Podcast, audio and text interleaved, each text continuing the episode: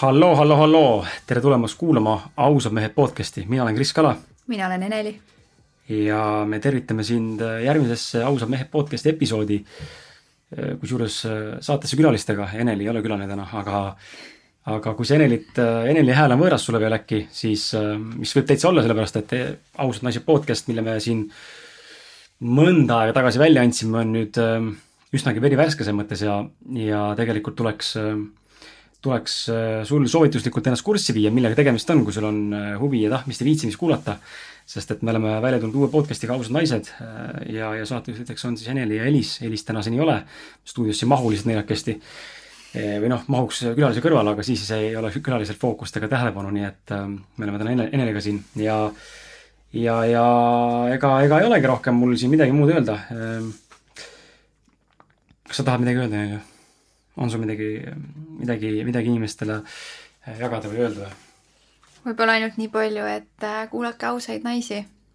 et äh, kui ausad mehed on siin juba mõnda aega ennast ausalt väljendanud, siis need on kaks naist, kes ka ennast väga ausalt väljendavad. ja võib-olla tegelikult saaks veel sügavamale, sügavamale minna, et kui ma ise olen natuke kuulanud meie podcast'e, siis ma olen mõelnud, et tegelikult saaks veel detailsemalt rääkida, aga küll me jõuame me jõuame nendeni ka. väga valus, et sa niimoodi röövid otse-eetris. ausalt naiste kuulajaid otse ausalt naiste alla. tegelikult see on okei okay,, sest et see on nagu üks podcast, et me testime, miks me oleme ausad meeste all, võib-olla, võib-olla, võib-olla see on segadus, et miks see eraldi lehekülg Facebooki või eraldi SoundCloudi või mõnda muud äh, nii-öelda podcast'i platvormi ausalt naiste jaoks on sellepärast, et me testime vett, testime sind, armas kuulaja. et äh, kui sulle see meeldib, siis, äh, siis me tuleme mingi aeg välja ka eraldi nii-öelda sektsioonina.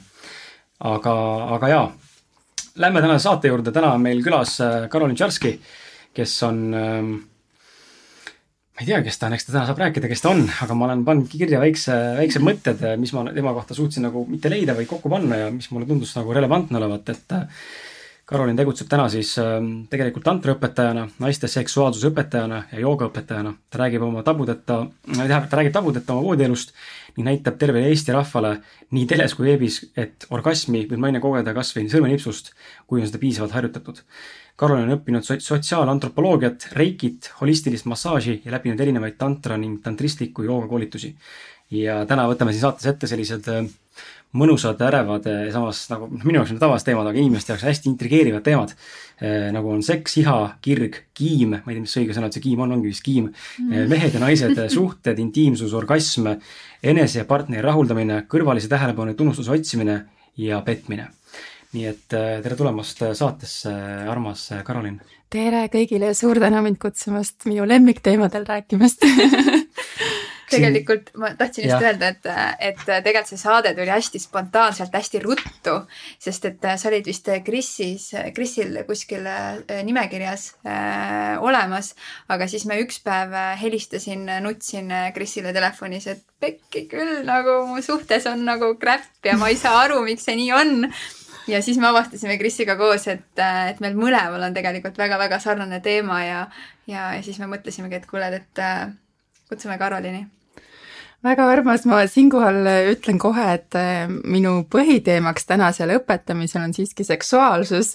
et äh, ma ei tea, kui tugev suhteekspert ma tänasel hetkel olen aga, aga noh, eks nad mõnes mõttes käivad siiski ka käsikäes, aga see põhi nagu võib-olla pädevus, kus ma oskan siin kommenteerida, on, just seksuaalsus mm. -hmm. kas sind on, kas sind võrreldakse Epp Kersiniga palju?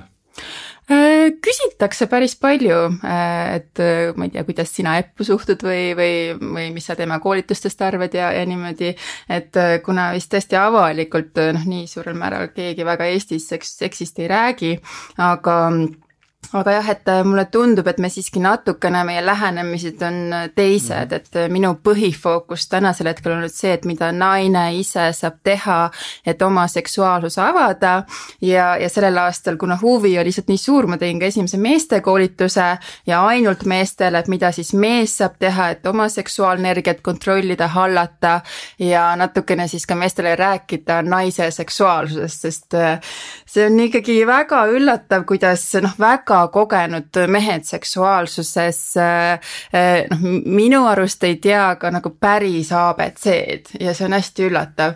ja, ja ka mu koolitusel olid mehed, kes olid mitmeid seksuaalkoolitusi läbinud, tantrakoolitusi läbinud, ma mõtlesin, no mis te siin teete, mis minul teile rääkida on ja kõik ütlesid, et õppisid ikkagi midagi väga -hmm. palju uut, et, et ähm, et jah, et mu lähenemine tänasel hetkel on nagu naised eraldi, mehed eraldi ja eks siis vaatame võib-olla tulevikus siis ka mingit paaritööd kas seal, kas see võib olla ka sinu õpetamiste puhul nagu võib-olla nagu loengute puhul see, et noh, et mehed ütlevad, et nad on meeletu kogemusega olnud ja käinud, teinud erinevaid koolitusi õppetubas ja nii edasi, aga ikkagi sai midagi uut. et kas sa võid nagu tõmmata sellise paralleeli selle alla, et kui sul on mitmed erinevad seksuaalpartnerid, siis on kogemus on erinev. seks on ikkagi selles mõttes nagu tegevusena sama, aga nagu sa õpid ikkagi partneri käigus midagi uut juurde jaa, absoluutselt kindlasti, et see võib olla see üks põhiviga, mis äh, üks teadlane, kellega ma olen koostööd teinud ja, ja seksist rääkinud, tema ütleb äh, ka, et see on meestel üks põhiviga, et nad arvavad näiteks ühe naisega on kõik nagu super hästi sujub ja, ja vaatad, ohoo, nüüd ma tean, kuidas kuidas naisel läheneda ja mida teha ja siis nad proovivad sama asja uue partneriga. aga noh, iga naine äh, on erinev sama naine on sul samal päeval võib-olla erinev, naisel on tsüklid, ta võib tsükli lõi lõikes olla erinev. ehk siis äh, see, mis sul toimus ühe naisega või see, mis sul toimus sama naisega hommikul, ei pruugi sul toimida õhtul, et ähm, et see, see on jah, see nii-öelda äh, trikk selle asja juures, et see häälestumine sellele hetkele. kusjuures äh, mul tulebki siit. kas te näete üldse üksteist jah, mina näen ja mina näen väga hästi et, et just tulebki siit küsimus sulle, et, et kuidas leida nagu, kuidas mees ja naine leiab selle kompromissi omavahel, et jõuda sinna keskpunkti, et, et ma olen täheldanud seda, et naised on selles mõttes nagu oluliselt nõudlikumad, et meestel on nagu kiirem see häälestus, aga naistel võtab see nagu rohkem aega. et kuidas nagu, kuidas näiteks, näiteks naine saab mehele selgeks teha, et mul nõuab nagu, et mul läheb rohkem aega ja samas, et mees mõistaks seda ja vastupidi ka, et nagu, et kuidas teha nii, et siis naine nagu oleks rohkem valmis pingutama selle nimel, et siis häälestada ennast ja seda kiiremini võib-olla teha kui muidu mm, -hmm. et äh, siin jah, mul oli ka koolitusel üks mees, kes, kui ma rääkisin sellest, et kuidas noh, mehe, mees saaks pikendada võib-olla enda seda naudingut, et ta nii kiiresti ei lõpetaks, et noh, et läheb nagu ähm, äh, nii-öelda naudingu tipu poole, siis tuleb natuke alla, tipu poole alla äh, ja siis see mees nagu täiesti kurnatuna küsis, issand, kas me peame seda kõike kaisutamist ja musitamist algusest peale nagu alustama kogu aeg? Et see on äh, ja mulle sai ka selgeks, et jah, et meestele tihti see eelmäng võib olla nagu see pikk igav asi, mis ma pean ära tegema, enne kui ma saan nagu tõelise naudingu juurde. ja, ja lahendusi nagu meestele on siin kaks, et äh, minule see sõna võib-olla kompromiss nagu ei meeldi, sest see nagu võtab naudingu äh, natuke alla nii mehelt kui naiselt ehk siis äh, eesmärk oleks see, et mõlemal oleks ikkagi väga hea. Ja, ja siin on kaks asja meestele soovitus, et üks on see, et alusta eelmängu varem, ehk siis alusta eelmängu äh, nii-öelda, kuidas sa naisesse päev läbi suhtud. et naisel, et seksuaalne äratus tekiks on vaja, et ta tunneb, et ta on armastatud, ta on imetletud, äh, suhe on harmooniline, ehk siis kui sa saadad talle päeval mingi sõnumi, et ma armastan sind või, või saadad talle, ma ei tea, mingi lillepildi või midagi, et juba see võib naise nagu päeva jooksul ära häälestada ja, ja ta õhtul tuled koju, võib-olla ta on juba valmis, ehk siis sa saad tegelikult äh, ilma nagu musitamise, kallistamiseta naise nagu juba nagu lõdvestada ja erutada. teine aspekt on see, et mees õpiks ära nautima sama palju seda eelmängu. ehk siis see on noh, seks nagu noh, kõik tegelikult elus on harjumus ja noh, fakt on, et närvilõpp meid mehel on peenisest kõige rohkem, et on harjunud, et see maksimaalne nauding on ainult siis, kui ma nii-öelda puudutan peenist ja seal on stimulatsioon ja see on nagu nauding. aga see, kui ma silitan võib-olla, ma ei tea, rindkere või, või suudlen kaela, noh, see on okei okay,, aga see ei ole nii tippnauding. ehk siis äh, mehe, mees saab ära õppida õppida oma keha teha rohkem tundlikuks, ehk siis see, kui näiteks seda puudutakse mujalt, see muutub ka peaaegu sama nauditavaks kui see, kui tal on see nii-öelda peenise puudutus. ehk siis äh, kui need kaks faktorit nagu kokku tuua, et siis juba saabki esiteks võib-olla seda eelmängu naisel ei ole vaja, sest tal tegelikult on see eelmäng juba ära olnud. ja teiseks mees reaalselt naudib, aga selleks on vaja praktikat, selleks on vaja teadlikkust, et ma suunan selle energia, mis mul üldiselt, ma olen harjunud kogu aeg on peenise piirkonnas. ma suudan seda tõsta ja tunnetada ka igal pool mujal ja siis ta on reaalselt nauditav. see on kindlasti see, ütleme just see meeste pool, et, et on, et ta teab, et peenise otsas on neid närvilõpmeid rohkem ja ta on harjunud harjunud nagu konkreetselt fokusseerima sinna ühte kohta, siis kindlasti see on ka põhjus, miks ta naiste puhul vaata hästi tihti nagu pigem liiguvad kohe sinna alla. et nad, et ei ole nagu seda, et, et noh, et ma alustangi naise puhul kuskilt käest ja rinna lähedalt, et, et liht-, näiteks minu suhtes, minu mehe puhul ka mingi aeg oligi see, kus ma nagu tajusin, et läheb liiga kiiresti kohe nagu, kohe tupe juurde ära, et nagu, et tahaks nagu, et oota, on ju, et kuhu sa nagu kiirustad, et ma tahaks nautida et, et, et see kindlasti põhjustab seda nagu meeste puhul ka või noh, nagu just suhete puhul seda, et. Äh, ja, ja noh, ega tihti nagu naised on ka, võivad olla ise ära õppinud, sest noh, naiste puhul ka tegelikult konkreetselt, kui me räägime närvilõppmetest, noh, kliitori piirkonnas mm -hmm. on neid kõige rohkem. ja kuna paljud naised on pidanud ära õppima selle kiire seksi, äh, siis jah, nii-öelda ka nemad võib-olla vahest noh, ei oskagi muud tahta. ja mõnikord võib olla ka, et naine peab ka ära õppima selle, et tegelikult noh, terve keha võib olla nauditav, aga aga üldiselt äh, jah, soovitus on kindlasti alustada igalt poolt mujalt ja mitte, mitte kliitorist isegi mitte rindadest, et jätta need nagu viimaseks. et, et siis see nagu kasvab ja kasvab ja, ja kasvab see, see erutus. see on hästi huvitav, see on, see ongi nagu niisugune naiselik olemus või alati on enda sees olnud see teadmine, et see nii on, et see, et see ongi nii ja ma mäletan, ütleme, et kui suhte äh, ütleme mitte päris, vaata päris alguses on alati selline armumine ja mm, -hmm. ja kõik selline periood ja siis äh, mingil hetkel on nagu kus see, kus see asi enam ei ole nii huvitav ja siis ongi see, et kus, kus me, mehe pool on see, kes tahab pigem kiiremini, teeme nii-öelda, mina ütlen selle kohta maha ja taha, on ju, teeme ruttu ära. aga naine on see, kes tahaks nüüd nagu mängida. et siis ma mäletan, kui, kui ma, kui ma olen oma mehele nagu märku andnud, et tegelikult ma ei taha nii ruttu vaata, et ma tahan mm -hmm. seda, seda mängimist ja seda, siis, siis see näiteks tõmbas meie suhtes hästi palju sellist nagu teatud mingit survet nagu vahele Mm. et, et näiteks, et kuidas nagu sellega nüüd nagu toimida, et, et, et, et kui mehel tekivad teisest mõttes, vaata, et see ongi see, et, et mees peab ju õppima seda nii-öelda siis äh, nautima seda ütleme seda eelmängu, et kuidas just see, võib-olla see ego teema tuleb ka natuke kindlasti sisse, et, et kuidas seda suhtes nagu, no see ongi see võib-olla see küsimus, see kompromissi küsimus, et ka vaata emotsionaalselt, et häälestada mõlemad selleni, et tegelikult peavad mõlemad nagu valmis olema selle jaoks mm. -hmm.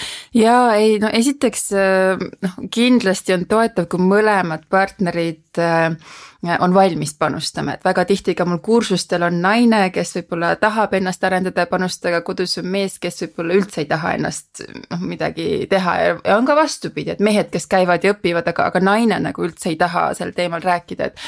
et ja siis küsitakse, mida ma siis teen, kui ma nagu üksi olen suhtes sellega, et no fakt on see, et sa teist inimest muuta ei saa et sa saad muuta iseennast ja sa võid loota, et kui sa hakkad endaga tegelema ja ennastavad ja ise naudid, et äkki siis see teine tuleb kaasa ja tihtipeale see niimoodi on. Äh, nüüd, kui partner mõnes mõttes on ikkagi avatud kuulama, et, et noh, siis see kommunikatsioon on üli-ülioluline, aga samas ta on ülikeeruline, eriti mm. seksuaalse puhul ja eriti võib-olla, kui sa juba oled noh, juba oled nii-öelda tegevuses, sest sa oled sellel hetkel, sa oled nii haavatav, ma arvan, see on üks kõige haavatavamaid äh, teemasid. et. Äh, esiteks noh, naisele füüsiliselt, et keegi tuleb sinu sisse, see tegevus on tegelikult väga-väga sügav ja, ja mehe nagu egole, et ma ei ole voodis hea et noh, see, see on nagu, see on väga karm.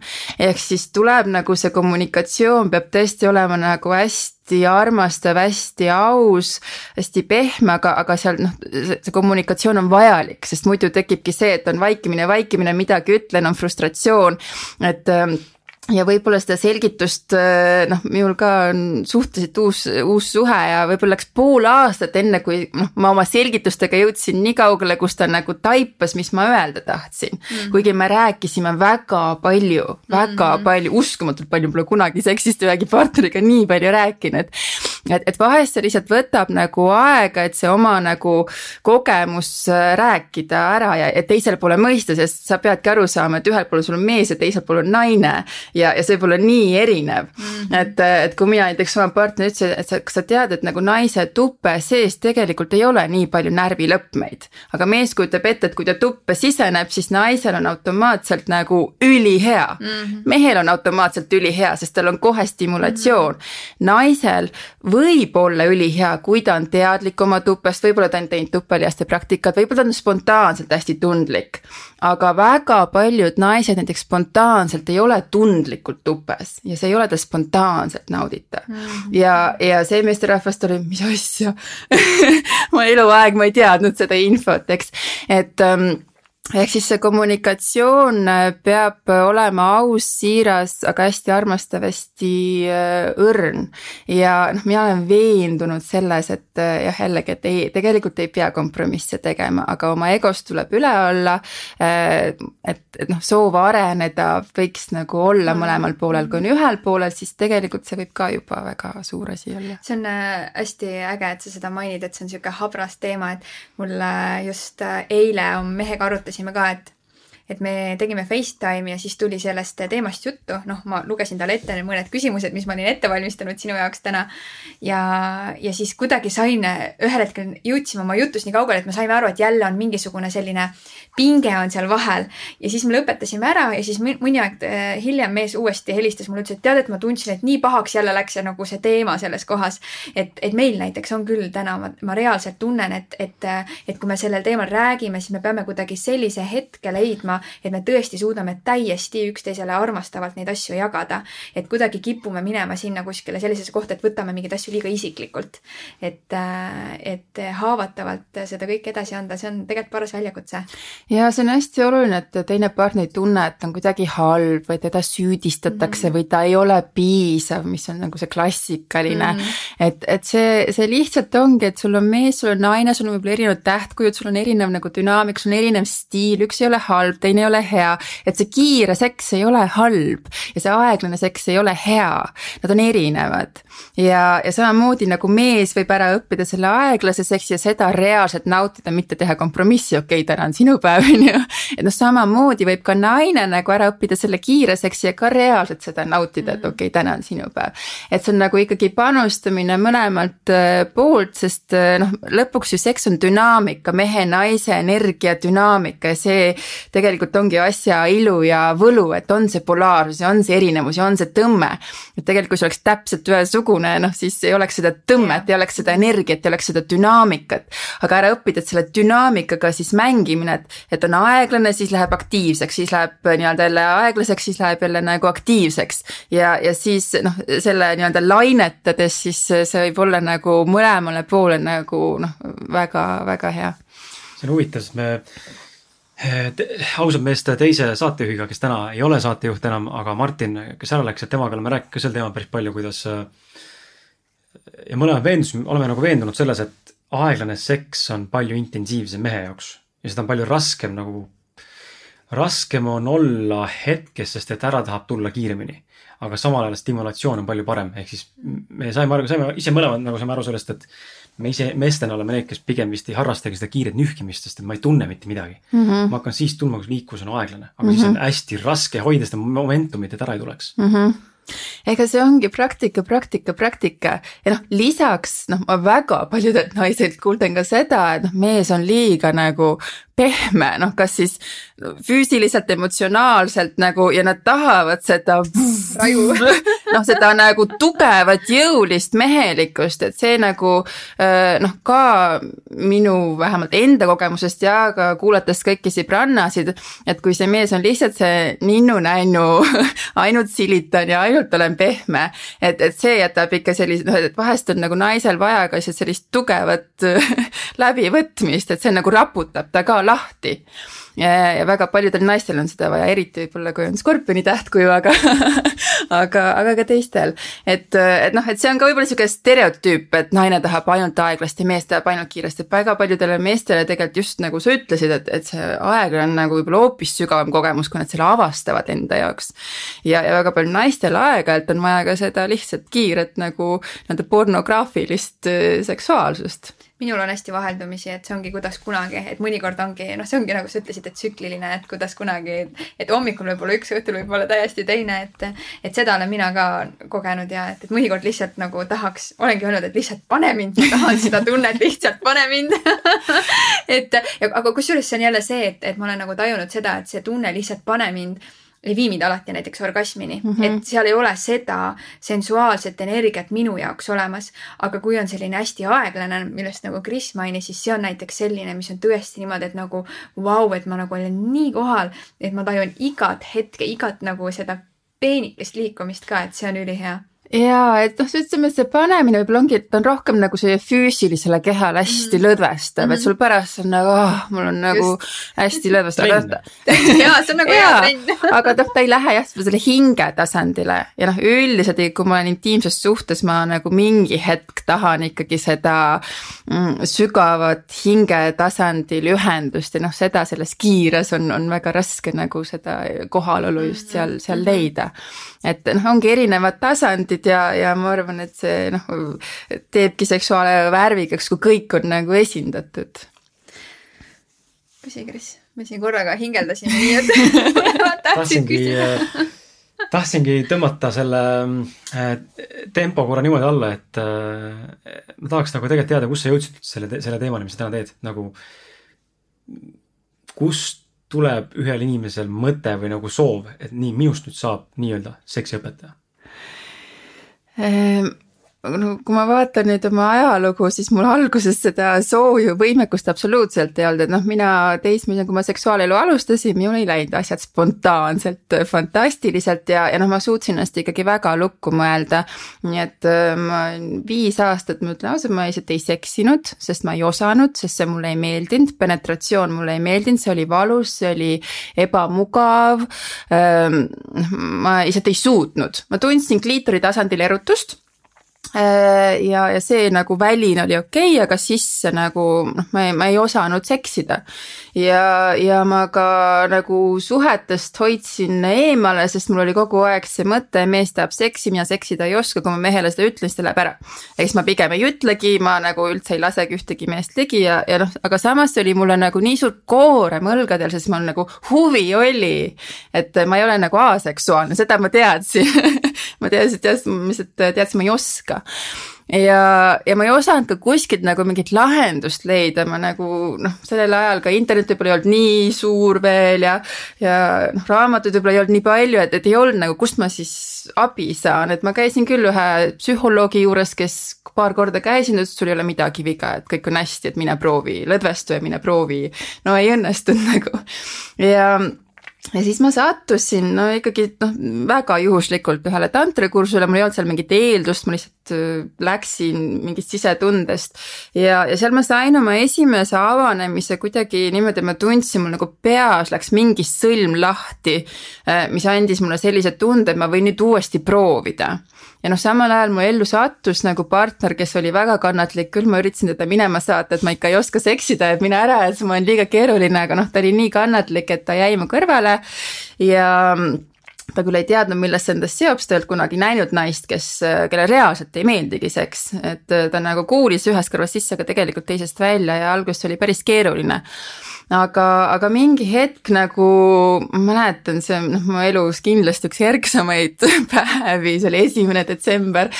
mõtlesin päkapikuli et noh, kus ma kogesin vahekorda, mis ei olnud valus mm. -hmm. ta ei olnud nauditav, ma ei saanud mingit orgasmi ega midagi, aga, aga oli nagu okei okay oli, et noh, neutraalne ja, ja sealt siis tasapisi nagu mulle ise hakkas meeldima no ta käis ikka lainetena, et meeldis, ei meeldinud, meeldis, ei meeldinud ja noh, väga pikaajalist suhet minul ei ole ette näidata, siuksed mõneaastased. et ja noh, erinevate partneritega niimoodi üles, üles-alla ja noh, ma arvasin, ma elan nagu normaalset seksuaalelu, et noh, mõnikord naine tahab ja mõnikord naine ei taha ja see on nagu okei okay aga, aga siis ma mingi hetk, ma nägin noh, ka jällegi siis mingit videot, kus ma nägin, et naine saab üle kogu keha orgasmi ja ma olin seda korra näinud varem ka, aga see oli minu jaoks noh, nii ulme, et ma isegi ei, ei noh, arvasin, et see on mingi väga harukordne mingi üks inimene miljonist võib-olla, kes on mingi sündinud vaimse meistrina või kellel see üldse võimalik on, et ma ei registreerinud seda tol hetkel isegi ära. ja siis ma nagu vaatasin, mõtlesin, mina tahan ka ja kuidagi võtsin ennast uuesti käsile ja hakkasin endaga tööd tegema ja, ja mu ellu sattus ka partner sellel hetkel, kes noh, tõesti noh, mina nagu suure kummarduse ja tänu ikkagi alati ütlen temale, kes oli nii toetav, et läbi noh läbi isikliku töö ja läbi tema toetuse ma hakkasin tõesti kogema nagu no selliseid orgasme, seksuaalkogemusi, noh millest ma nagu isegi unistada ei osanud, mina, kes ma olen see kinnine, kes ei lähe märjaks, kellel. Lisaks on kogu aeg tupeseen pidevalt, et et noh, ma olen geneetiliselt, bioloogiliselt juba niimoodi loodud, et see ei ole nagu minu jaoks. Ja, ja nägin, et kuidas see mulle on võimalik, see oli mulle nii üllatav ja, ja noh, sealt nagu asjad läksid sügavamaks ja sügavamaks ja sügavamaks ja, ja siis ma sattusin lihtsalt, ma sattusin Kolumbiasse joogat õpetama ja seal äh, noh, õpetati ka tantrat ja, ja paluti, et noh, sa räägi siis neid naiste asju. ja naistelt tuli nii palju küsimusi kogu aeg, oota kuidas, kuidas, kuidas, kuidas ja siis ma pidin hakkama nagu analüüsima, aga kuidas, sest noh, mina ei hakanud nagu kuskilt heast kohast, ma hakkasin nullist või veel nagu madalamast kohast. ja needsamad õppisid ütlesid, Karolina, aga sul on nii palju õpetada, miks sa ei õpeta, miks sa ei räägi, miks sa raamatut ei kirjuta, mis, mis mul öelda on? Aga nad kuidagi käisid piisavalt pinda ja siis, äh, siis mõtlesin, aga ma proovin siis, et noh, ma siis jagan seda, mida ma tean või mis minu arust on olnud need põhiharjutused, need põhiarusaamad ähm, mis ma olen pidanud iseendaga tegema, et, et, et noh, kogeda neid asju, mis ma kogen. ja noh, siiamaani on side noh, tagasiside positiivne ja siis see ongi muutunud nagu selliseks kireks, sest ma näen, et on nii palju naisi, kes ei koge tegelikult äh, sügavat seksuaalset rahuldust ja see on nagu minu jaoks nagu selline. ma tean, et sa saad, ma tean, et sa saad nagu ükskõik, mis situatsioonis sa oled, ma tean, et sa saad ja ma näen kui naine on hästi seksinud, noh, ma näen, ta tuleb mulle vastu ja see naeratus ja see keha ja see lõdvestus ja see suhe, see on kõik nii radikaalselt teine, kui see naine on, eh, ta ei ole rahuldatud või ta ei ole kaua seksinud ja ta on nagu kokku tõmbunud ja ta on kibestunud ja ta on frustreerunud ja ja, ja see on nagu nii erinev nagu ja noh, mu enda kogemusest ka lihtsalt, lihtsalt elukvaliteet, mis ta oli enne, mis ta on pärast, lihtsalt selleks, et seks on nüüd hea ja enne ei olnud. et, et siis eh, ma lihtsalt tunnen, et kuna ma see ise läbi elan, see on minu nagu missiooniks saanud olnud. sa mainisid äh, tupeseent. kas tupeseen üldse on mõte nagu noh, üldse ütleme, seksuaaltegevust või seksuaalsust pärssivad nii-öelda siis kas välised asjad, nii-öelda justkui nagu haigus jutumärkides või siis on see psühholoogiline probleem või, või mis iganes asi see on, kas, kas need on reaalselt, mulle tundub tegelikult, et need on kõik tegelikult meil peas kinni või enda tekitanud. see on hea küsimus, mul on sama millest, küsimus. millest see tuleb, sest et tegelikult mul tuleb praegu meelde, äh, ma ei, ma ei mäleta kõiki detaile, aga Martin rääkis ka kuidas, kuidas ka tema, tema partneri mingid, mingid jamad olid kunagi olnud vist. Eh, noh, nende suhtaja samamoodi. Ja, ja nagu tundub mulle lihtsalt, et see kõik on nagu nii, nagu nii psühholoogiaga seotud tegelikult see, kuidas sa oled seksuaalselt valmis või, või on sul mingi probleem sellega või mitte. See on hästi, minu puhul kindlasti on hästi tugevalt psühholoogiliselt seotud. et ähm, noh, see oligi nagu minu keha nagu ütles, ma ei taha mitte kedagi sisse sest mu keha nagu teadis, et see on valus, see on ebameeldiv, ma olin selle ära õppinud, selle endale programmeerinud. ja igaks juhuks, et ma nagu ei laseks ka kedagi, on ju. noh, siis ta lisaks nagu genereeris selle seene, et noh, siis ma nagu ei tahaks veel rohkem kedagi lasta. ja uskuge mind, ma proovisin kõike nagu noh, esialgu noh, noorena nagu kõik tabletid, siis ma veel noh, ei teadnud midagi muud ähm, Äh, siis noh, ma uurisin kõikvõimalikud dieedid, ma tegin läbi, nii et noh, null suhkrut ja, ja noh, isegi puuvilja ja mett ja noh, mitte midagi nagu nii suhkrulist ei võtnud ja, ja ma ei tea, keetsin aluspükse ja võtsin kõiki toidulisandeid, et seda soolestikku korda saada ja noh, mida iganes ma ei teinud. Äh, okei okay,, leevenes natuke, aga tegelikult see ei kadunud ära ja mis ma hakkasin märkama, mis mõjub, on jooga Äh, ja, ja hiljem, mis ma nägin, mis mõjub, on seks. Ehk siis rahuldust pakkuv seks, ehk siis üks hommik näiteks konkreetselt ma märkasin, mul oli äh, jällegi voolus või oli nagu noh, nägijad hakkas tulema. Ähm, seksisin partneriga pärast seda täiesti kadunud, nagu koheselt. ehk siis minu puhul ta kindlasti oli psühholoogiline Äh, ja ma olen ka seda märganud suhteliselt hiljuti, noh, ma ikka teen vigu, ega palun äh, saage aru, et ma ei ole ideaalne ja ma teen vigu ja ma olen ise teekonnal ja ma õpin. et, äh, et ma ka mingi aeg tagasi suhteliselt hiljuti nagu astusin vahekorda ühe partneriga, suhteliselt selline uus tutvus, ta mentaalselt tundus mulle hästi tore, hästi hoolitsev, atraktiivne, igati viisakas. keha tundis, et ei ole seda klappi aga ma ikkagi astusin ka seksuaalvahekorda. Ja ja pärast äh, vist noh, ma ei tea, kaks korda, kahte korda mul tuli selline põletik, mida mul pole elu sees olnud ehk siis see oli nagu, see ei olnud selles, noh vahest öeldakse, et kui on uus partner, siis need noh, mikroobid, et see on normaalne, tuleb mingi voolus, et on see kohanemine, noh ma teadsin, see ei ole lihtsalt nagu füüsiline kohanemine. see on konkreetselt see, et ma lasin kellegi sisse, keda ma tegelikult, mu sisetunne ja keha teadis, see ei ole minu jaoks õige. ja ta kohe reageeris nagu nii tugevalt, et mida sa tegid minuga et, et noh, minul on küll nagu tupega nagu väga psühholoogiline suhe ja ma tean, et kui see tuppes gluten tuleb, see ei ole suhkrust ja, või noh, mis iganes mhm. muudest asjadest. toitumine aitab, ma ei, ma ei välista seda, tänaseks mu toitumine on kindlasti ka hoopis teine, mis ta oli siis. siis ma tõesti tarbisin väga palju suhkrut ja väga palju igasuguseid äh, nii-öelda pakenditooteid ja mida kõike veel ja, ja see kindlasti ei toeta seda protsessi, aga ainult toitumise muutmine mind isiklikult ei tervendanud. see on, see on nii äge, et sa seda, seda kõike jagad. ma kohe lingin ära nagu enda isiklikud kogemused ja enda nagu sellise varasema aja ja, ja võrreldes tänasega, siis äh, Äh, enne mul oli ka tihti, kogu aeg oli see probleem, selline erinevad põletikud, mis tekkisid ja minul oli alati see, et nii kui ma märkasin midagi, see tõmbas täiesti igasuguse isu maha, et ma lihtsalt ei tahtnudki, et, et see tõmbas kohe kõik energeetiliselt täiesti lukku ära ja, ja ütleme, et kuna ma olen ise nüüd äh, viimased aastad olnud rohkem sellisel vaimsel rajal ja võib-olla ka sihuke energiad, kõik need on nagu teemad, siis ma olen nagu märganud, et see on ka midagi lahti teinud, et täna enam ei ole mul seda probleemi selliselt, nagu ta oli varem. et, äh, et mingid asjad on seal tõesti psühholoogilised, et, äh, et tõesti, see on väga äge ja et, et noh, naisel see suhe oma, oma tupega on tegelikult mhm. hästi-hästi oluline. et see, et sa esiteks nagu austad teda, sa kuulad teda, sa imetled, et sa ei lase sinna kedagi sisse või midagi sisse, aga iseennast ei lase sisse, kui ta ei ole valmis.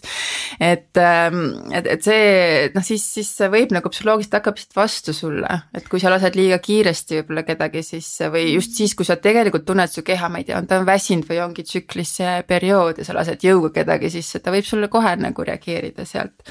et see armastav ja austav suhe oma, oma tuppega on nagu üli, ülioluline. mul on äh, veel üks huvitav küsimus sulle selle peale, kohe lipsas meelde.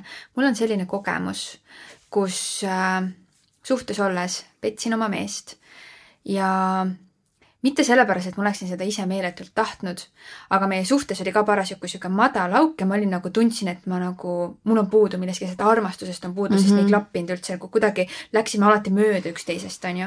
-hmm. ja siis ühel hetkel ilmus üks meesterahvas äh, kelle peale minu keha niimoodi reageeris, et ma sõna otseses mõttes olin märg, ma käisin ringi ja ma ei suutnud. mu pea ütles mulle nagu, et lõpeta ära. et nagu, et nagu sa ei tohi seda teha, see ei ole õige, aga keha lihtsalt, ma olin tööl, ma olin märg, ma ei suutnud endaga toime tulla. et see oli, see oli nagu sellist asja, mida ma polnud mitte kunagi varem kogenud mm -hmm. ja see nagu ajendas mind lõpuks sinna, et ma pidin selle rahulduse saama, sest ma nagu mul sihuke tunne, nagu ma oleks mingi mees olnud, kes oleks nagu ammu nagu saamata olnud, tõesti mm. -hmm. kui, kuigi see ei tähenda seda, et ma oma, oma mehega ei oleks seksinud, ikka mm, -hmm. aga lihtsalt see, mida mu, mida mu keha tegi et äh, ja mulle on öeldud, et äh, et see võis olla nii-öelda energeetiline ärakasutamine. kas niisugune asi on olemas, mida sina sellest asjast arvad? Mina ka usun igasuguseid energiaid. Äh, see nüüd, kas see oli või ei olnud, kas see nüüd on välja mõeldud või tegelikkus, noh, seda ma ei oska siit kõrvalt kindlasti ise mhm. kommenteerida, et, et siin, siin ongi nagu igal inimesel selline noh, mida saab teha, on saada kontakti oma sisetundega, iseendaga ja siis noh, saada see sügav vastus iseendalt või siis tõesti kellelgi, keda sa noh, usaldad, kes, kes tabab sinu võib-olla veel paremini ära kui, kui sina.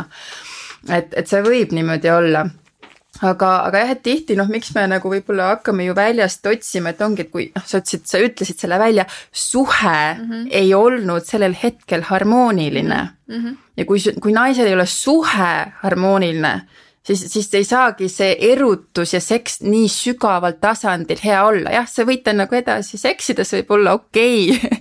aga, aga sa ei saa seda äh, rahuldust ja selle uue inimesega sul ei ole suhet sul sul ei ole mingit probleemi taga, sul ei ole mingit solvumist ta peale, mingit viha, mitte mingit frustratsiooni. ja siis see võib olla, et väga lihtsalt su keha talle avaneb mm. -hmm. võib-olla et uue inimese puhul ei avane, sest puudub usaldus veel mm, -hmm. et see noh, oleneb nagu alati jälle sellest situatsioonist mm. -hmm. väga hea vastus. kõlab loogiliselt Kris, mis sa tahad küsida? kahe vahel, et ma tahan nagu tegelikult selle meie teemast võtta ülesse, mis me sinuga rääkisime. jah, jah. see on väga hea teema. ja see üldse, see teema, millest me siis otsustasime, teeme sinuga saate täna mm. -hmm. me tegelikult mõtlesime, räägime kahekesti mm. -hmm. siis nagu Enel ütles, et me hakkasime mõtlema, et mu elukaaslane ütles mulle pärast seda, et äkki te peaks kellegi võtma veel kõrvale, kes nagu näeb seda asja nagu kõrvalt mm -hmm. täiesti neutraalsena ja oskab mm -hmm. öelda, kas noh, mitte kas see on nii ja ei ole, tõde ei saa tituleerida võib-olla kohe, aga mm, -hmm. aga mida tema nagu näeb mm. -hmm. ja mõtlesin hmm,, kes võiks olla see inimene. Peep on käinud ja Peep võib-olla ei tule täna veel onju. et kes veel mm, -hmm. siis mõtleme, aa Karolin äkki on ikka nõus nagu rääkima. et äh, mõtlen, kuidas seda mm, mul on tunne, et sina peaks tegelikult alustama. sest et see, see tundub nagu olevat loogilisem, ma saan enda loo kõrvale rääkida, sest et Aha. sinu sellest loost tegelikult see asi nagu alguse. jah, oli küll jah no ütleme, minu suhtes on olnud selliseid asju, et äh, ja et... me püüame ju rääkida nii delikaatselt kui võimalik, et me enda partnerit ei solvaks, sest mu elukaaslane luges mu sõnad peale seekord, et ta ei soovi, ma lahkaksin väga tema asju. aga ma räägin nii palju, kui ma suudan niimoodi, et ma midagi ei ütle, aga samas ütlen. jah, sama, sama, sama. et äh, näiteks äh, minul äh, äh, suhe minu mehega, mida ma olen hästi palju kogenud enda suhtes, on see, et, äh, et ta on hakanud otsima tähelepanu kõrvalt meie suhte kõrvalt. Ja, ja need on mõjunud vaata mulle ka selles mõttes selles mõttes laastavalt, et on hästi palju haiget teinud ja sellist asja on olnud nagu iga aasta vähemalt mingi paar korda, kus ma olen avastanud ja see on, noh, selles mõttes on ta võtnud sellise nagu usalduse nagu alla mm. -hmm. ja, ja siis, kui ma Krisile sellest rääkisin, ma jagasin Krisile seda, et kuule, et ma ei tea, et no ma mõtlesin, et kuhu ma nagu lähen, et, et mu jälle, noh, see valu tuleb kõik üles, onju, et. ja, ja siis ma kirjutasin Krisile, Kris, et sa oled mees nagu, ütle, mida sina sellest asjast arvad. et miks, et miks nagu, sest minu mees ütleb, et ta enda arust ei tee mitte midagi ta ei tee midagi nagu valesti, et, et ta ju ei seksi temaga, vaata, aga ta lihtsalt, ma näen, et tema tähelepanu on täielikult fokusseeritud teisele naisele ja ta otsib sealt seda tähelepanu mm, -hmm. mida justkui võiks ju minu käest ka saada, onju ja et see on nagu kuidagi liiga nagu selline, noh, sa saad aru, naine saab aru, et see on teistmoodi, et see ei ole lihtsalt, et sa ütled ühe korra inimesele, et ta on kena ja ongi kõik, on ju, et mm, -hmm. et sa mhm. otsid sealt midagi veel. ja, ja siis, ja siis me jõudsime kuidagi äh, Krisiga suheldes seksini välja. et, äh, et see võib olla ka nagu seksiga seotud ja, ja ma olengi täheldanud seda, et äh, et, et meie suhtes on näiteks see, et, et kui on mingi periood, kus mina äh, ei ole tahtnud seksi, mul ongi näiteks fookus on täiesti eemal, ma, mul on eesmärgid, mida ma tahan äh, saavutada, liigun nende suunas, sihuke pigem selline mehelik energia. Ja siis see naine, naise pool kaob ära. aga samas mees nagu tahaks, aga mina nagu pigem hoidun sellest, et ma nagu ei taha, mul ei ole see teema hetkel. ja, ja siis tema muutub jälle närviliseks et, äh, et noh, ma näen seda ja siis, kui ta on närviline, siis ma nagu, siis minul tõmbab veel rohkem tagasi, et ma nagu siis veel vähem tahaksin nagu üldse torkima minna seda teemat, et, äh, et see lükkab mind äh, omakorda veel nagu eemale. et, et ma ei teagi, siin on mitu küsimust tegelikult sees. ja ma siis nagu räägin lühidalt ka, mis mul, mis ma nagu, sa saad siis kõrvalt vaadata, mis ma nagu mm, -hmm. miks ma, miks ma, mis mõtte peale ma tulin, et ma kuulasin täna enne nagu rääkis nendest näidetest, et noh, et on komplimendid teistele naistele võib-olla ja kuidagi nagu, et ei ole ainult kompliment, vaid nagu midagi nagu, nagu oleks nagu enamat, sa loed nagu midagi muud välja sealt tegelikult. ja siis ma hakkasin mõtlema, et hmm, kurat ikka värdjas vend raisk. niimoodi teeb, kurat ta on ikka vend. ja siis ma hakkasin mõtlema, et hmm, oot-oot-oot-oot. aga ma ise olen sama teinud. aga mitte sellises mastaabis. nagu, et nat-, ütleme nagu, et kui võrrelda noh, kümne peale skaalal, et üks on nagu kaheksa, eks ole, teine on kaks. ma olen seal kahe juures, olen teinud seda, aga mitte nagu sellises tasemes. siis ma hakkasin mõtlema, et huvitav, millest see tuleb, miks ma lähen ja teen ja üritan nii-öelda teiste naistega mida noh, see kõlab väga valesti, eks ole, ma olen mingi pervert on ju, aga, aga miks ma mehena vahepeal näiteks teen komplimenti mõnele naisele. ma mõned aastad tagasi tegin teadliku otsuse, ma hakkan inimesi komplimenteerima Äh, mis tundus mulle täiesti nagu loogiline asi, kui mulle tehakse komplimenti, ma tunnen ennast hästi. järelikult, kui ma teen sulle, Karolin, komplimendi või Eneli sulle komplimendi siiralt ja päriselt mõtlen seda, äh, ma ei tea, kas sinu välimuse kohta, sinu tegemise kohta, vahepeal mis iganes, siis see tegelikult teeb sulle hea tunde. ja tõenäoliselt tuleb see mulle kuidagi tagasi. mul endal on hea olla, sul on hea olla, kõik võidavad. ja siis ma hakkasin teadlikult tegema seda. Ja, aga siis ma olen avastanud, et ma olen nagu teadlikult teinud ka nagu mingeid komplimente naistele, kas nende välimuse kohta mingi või siiralt, kas või tõesti mingi asja kohta. aga teinekord ma tagataustal olen märganud, ma hakkasin seda analüüsima, olen märganud, et ma mehena tegelikult ma otsin midagi enamat sellest komplimendi tegemisest. ja ma, ma ei otsi seksi teiselt naiselt, vaid ma otsin välist tunnustust. või nagu mulle tundus, et kuidagi ma nagu, ma korvan mingit puudujääke sellega, ma üritan teist võõrast naist komplimenteerida kuidagi või nagu viia tähelepanu selle, et ta nagu märkaks mind nagu mehena, ma olen nagu hea mees, eks see on nagu sihuke hästi mitmetasandiline mäng, ma saan aru, mida ma mängin Eh, ilma ise saaks aru tegelikult sellest mm, -hmm. et nagu korvan midagi, mida ma täna suhtes ei saa, noh, jõuame ka -hmm. selleni, miks ma täna ei saa, mul on väike laps ja see on pannud põntsu meie intiimelu nii-öelda mm. -hmm. aga just see, et ma näen, et me nagu kuidagi nagu, isegi ei vaja, et naine ütleks mulle, et oo oh,, Kris, sa oled nii hea mees, et ma tahaks sihukest meest endale. ei, aga ma tahan, et ta jõuaks kohale vist, et ma olen tegelikult selline hea mees või mingi sihuke nagu, mingi sihuke psycho-värk nagu panevad seal sees. siis ma hakkasin mõtlema, et, et aga äkki see ongi mingi egoistlik äh, ego tasandil mingi sihukeste puudujääkide või nagu tähelepanu vajaduse korvamine läbi teise inimese äh, no te räägite sellest nagu mingist tohutust probleemist, minu arust on see täiesti normaalne et jah, kui me läheme sügavuti, noh siis loomulikult Äh, selle rahu ja õnne ja, ja selle seisundi me saame leida ainult iseenda seest, vaadates iseenda sisse, armastades iseennast, aktsepteerides iseennast ja, ja kõik see teooria, jah, selle baas on see. aga nüüd, kui me oleme suhtes siis äh, on ikkagi ju ka sellel mingi noh, mina ka ei poolda võib-olla seda, et, et, et et, et, et, et ma olen suhtes ja mul on kaks täiesti eraldiseisvat indiviidi, kes saavad iseendaga sada protsenti hakkama ja tegelikult üksteist üldse ei vaja mis on tänapäeval tihti see, et mina tegelen oma probleemidega, mina tegelen oma probleemidega ja siis saame kokku ja üksteist noh, ei süüdista, on ju, mitte et ma süüdistamist pooldaks. Aga kui mul on suhte dünaamika, kui ma olen valinud, et ma tahan olla mehega, ma tahan olla naisega, et noh, siis on ka ju see, et ma võiks ju panustada sellesse suhteharmooniasse.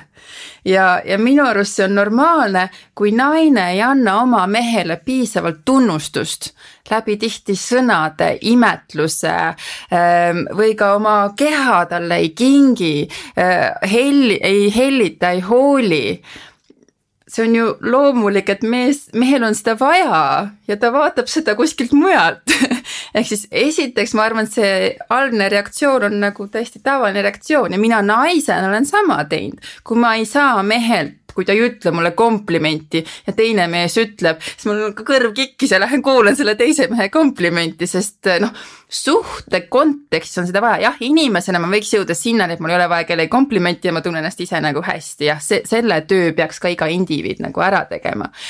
ehk siis ähm, ehk siis äh, see, et äh, noh, kui mees hakkab mujalt vaatama, siis tegelikult mina ei süüdistaks meest, vaid vaatakski iseendale otsa, aga kas ma nagu kallistan teda, kas ma musitan teda, kas ma ütlen talle, et ma armastan sind, kas ma ütlen talle, sa oled jumala äge mees, kas ma nagu innustan teda tema töös ja tema tegemistes.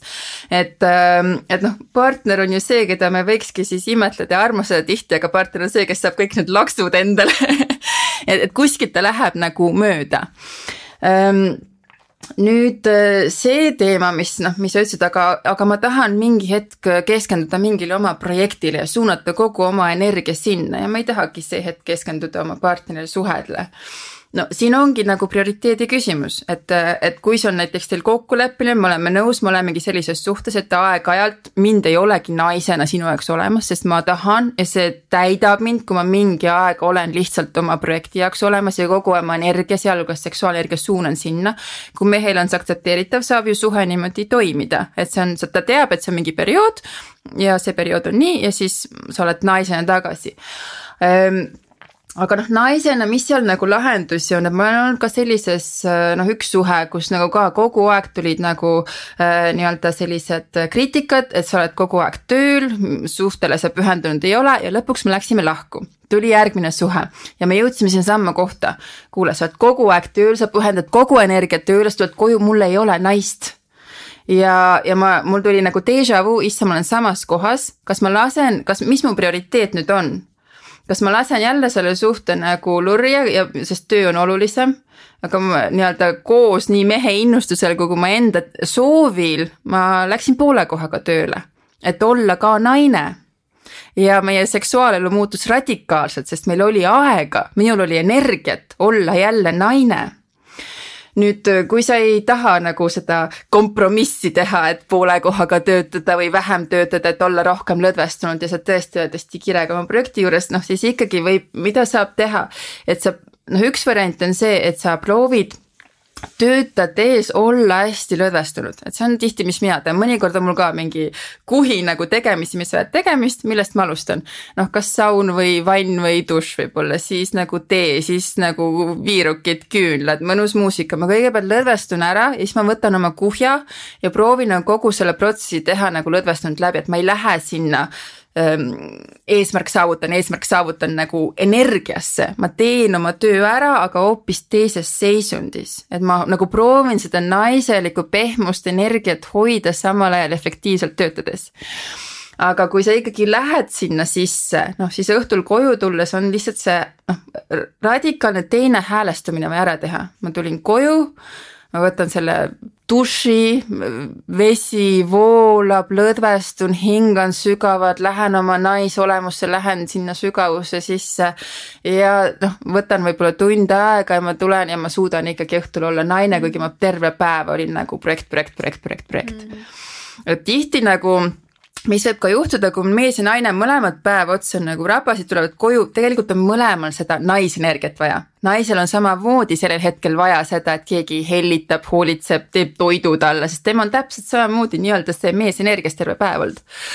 et, äh, et siis on lihtsalt seda teadvustamist vaja et äh, ma ei tea, sellised esialgsed kommentaarid. aga see on tegelikult sellele. väga hea, sest ma just mõtlesin, mul oligi selline küsimus ka, et, et vaata, et enamik äh, perekonnad, tänane mudel on ikkagi selline, et naine käib tööl ja mees käib samamoodi tööl ja, ja kuna inimesed ikkagi tegelikult tegelikkuses, kui suhtesse minna, siis nad ikkagi ju soovivad, et see suhe oleks võimalik, võimalikult harmooniline ja pikaajaline ja et see seksuaalelu oleks ka võimalikult hea, võimalikult pikka aega, et siis see, et tegelikult sa vastasid selles mõttes sellele küsimusele, et mida näiteks naine saabki enda poolt teha, et häälestada ennast rohkem nagu sellele, et kuidas üldse oma igapäevaelu selliselt elada, on ju. muidugi siis on ka keerulisem, kui laps jälle tuleb, on ju, kes omakorda vajab tähelepanu.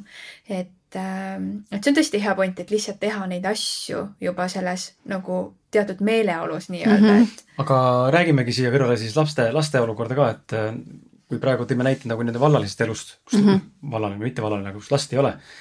et kui sul on laps siis on olukord hoopis teine. Et äh, naine käitub teistmoodi, hormonaaltase on teistsugune, et äh, fookus on automaatselt, mis ei peaks nii olema, aga laps on kohe number üks. ise on võib-olla üldse number viimane ja mees ei ole üldse listis. et äh, see on ammu juba kuskil maha müüdud see nimekiri, kasundajate nimekirjas. et äh, noh, muidugi ma praegu võimendan üle, et tegelikult nii hull ei ole, ma muidugi saan tähelepanu ja, ja ma väga armastan oma naist, sest tegelikult ta on väga tore naine. aga lihtsalt äh, intiimsuse koha pealt on küll suur põnts on meil, et poolteist aastat oli nagu mingi aeg selline periood, kus ei olnud üldse seksuaalset vahekorda mm -hmm. ja mhm. üldse mitte mingit nagu intiimset puudutamist mitte, sest tal on nii suur plokk mm. -hmm. noh, muidugi seal on muud ka juures, temal on, me käime ka koos, käisime mingi aeg teraapias nagu mitte koos, aga eraldi, meil on tegelikult väga palju ka mingeid psühholoogilisi asju, mis on seotud selle armastuse ja kogu selle, selle teemaga võib-olla ka mm. -hmm.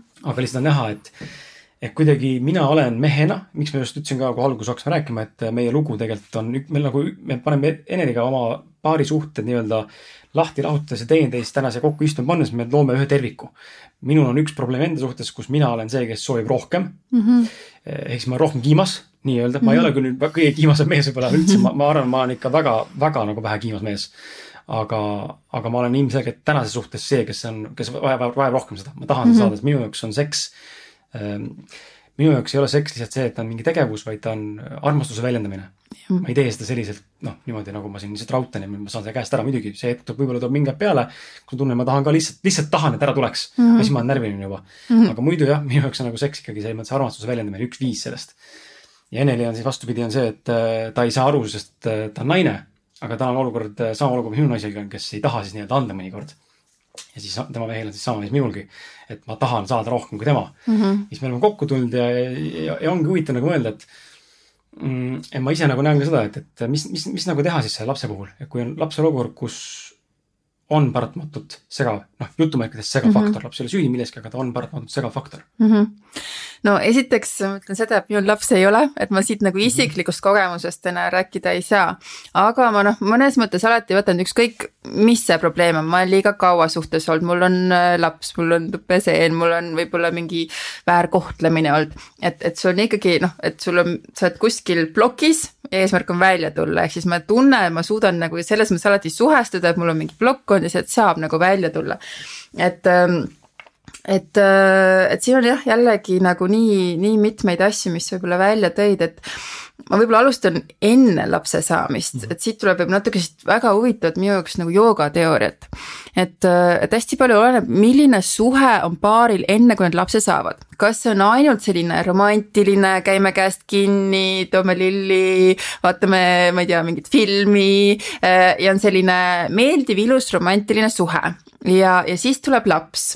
Aga see dünaamika, mis on ema-lapse vahel, on nii-öelda kõrgemat, kõrgemal teaduse tasandil dünaamika. sest see dünaamika seal on see, et ema ainult annab, annab, annab, annab, ta ei saa mitte midagi sellelt lapselt vastu. ja, ja mõnes mõttes see, see dünaamika on kõrgem kui see romantiline suhe, mis tal oli. Ja siis ilmselgelt see mehe dünaamika, ta ongi madalam dünaamika ja see ei täida seda naist, sest ta on kogenud midagi palju võimsamat.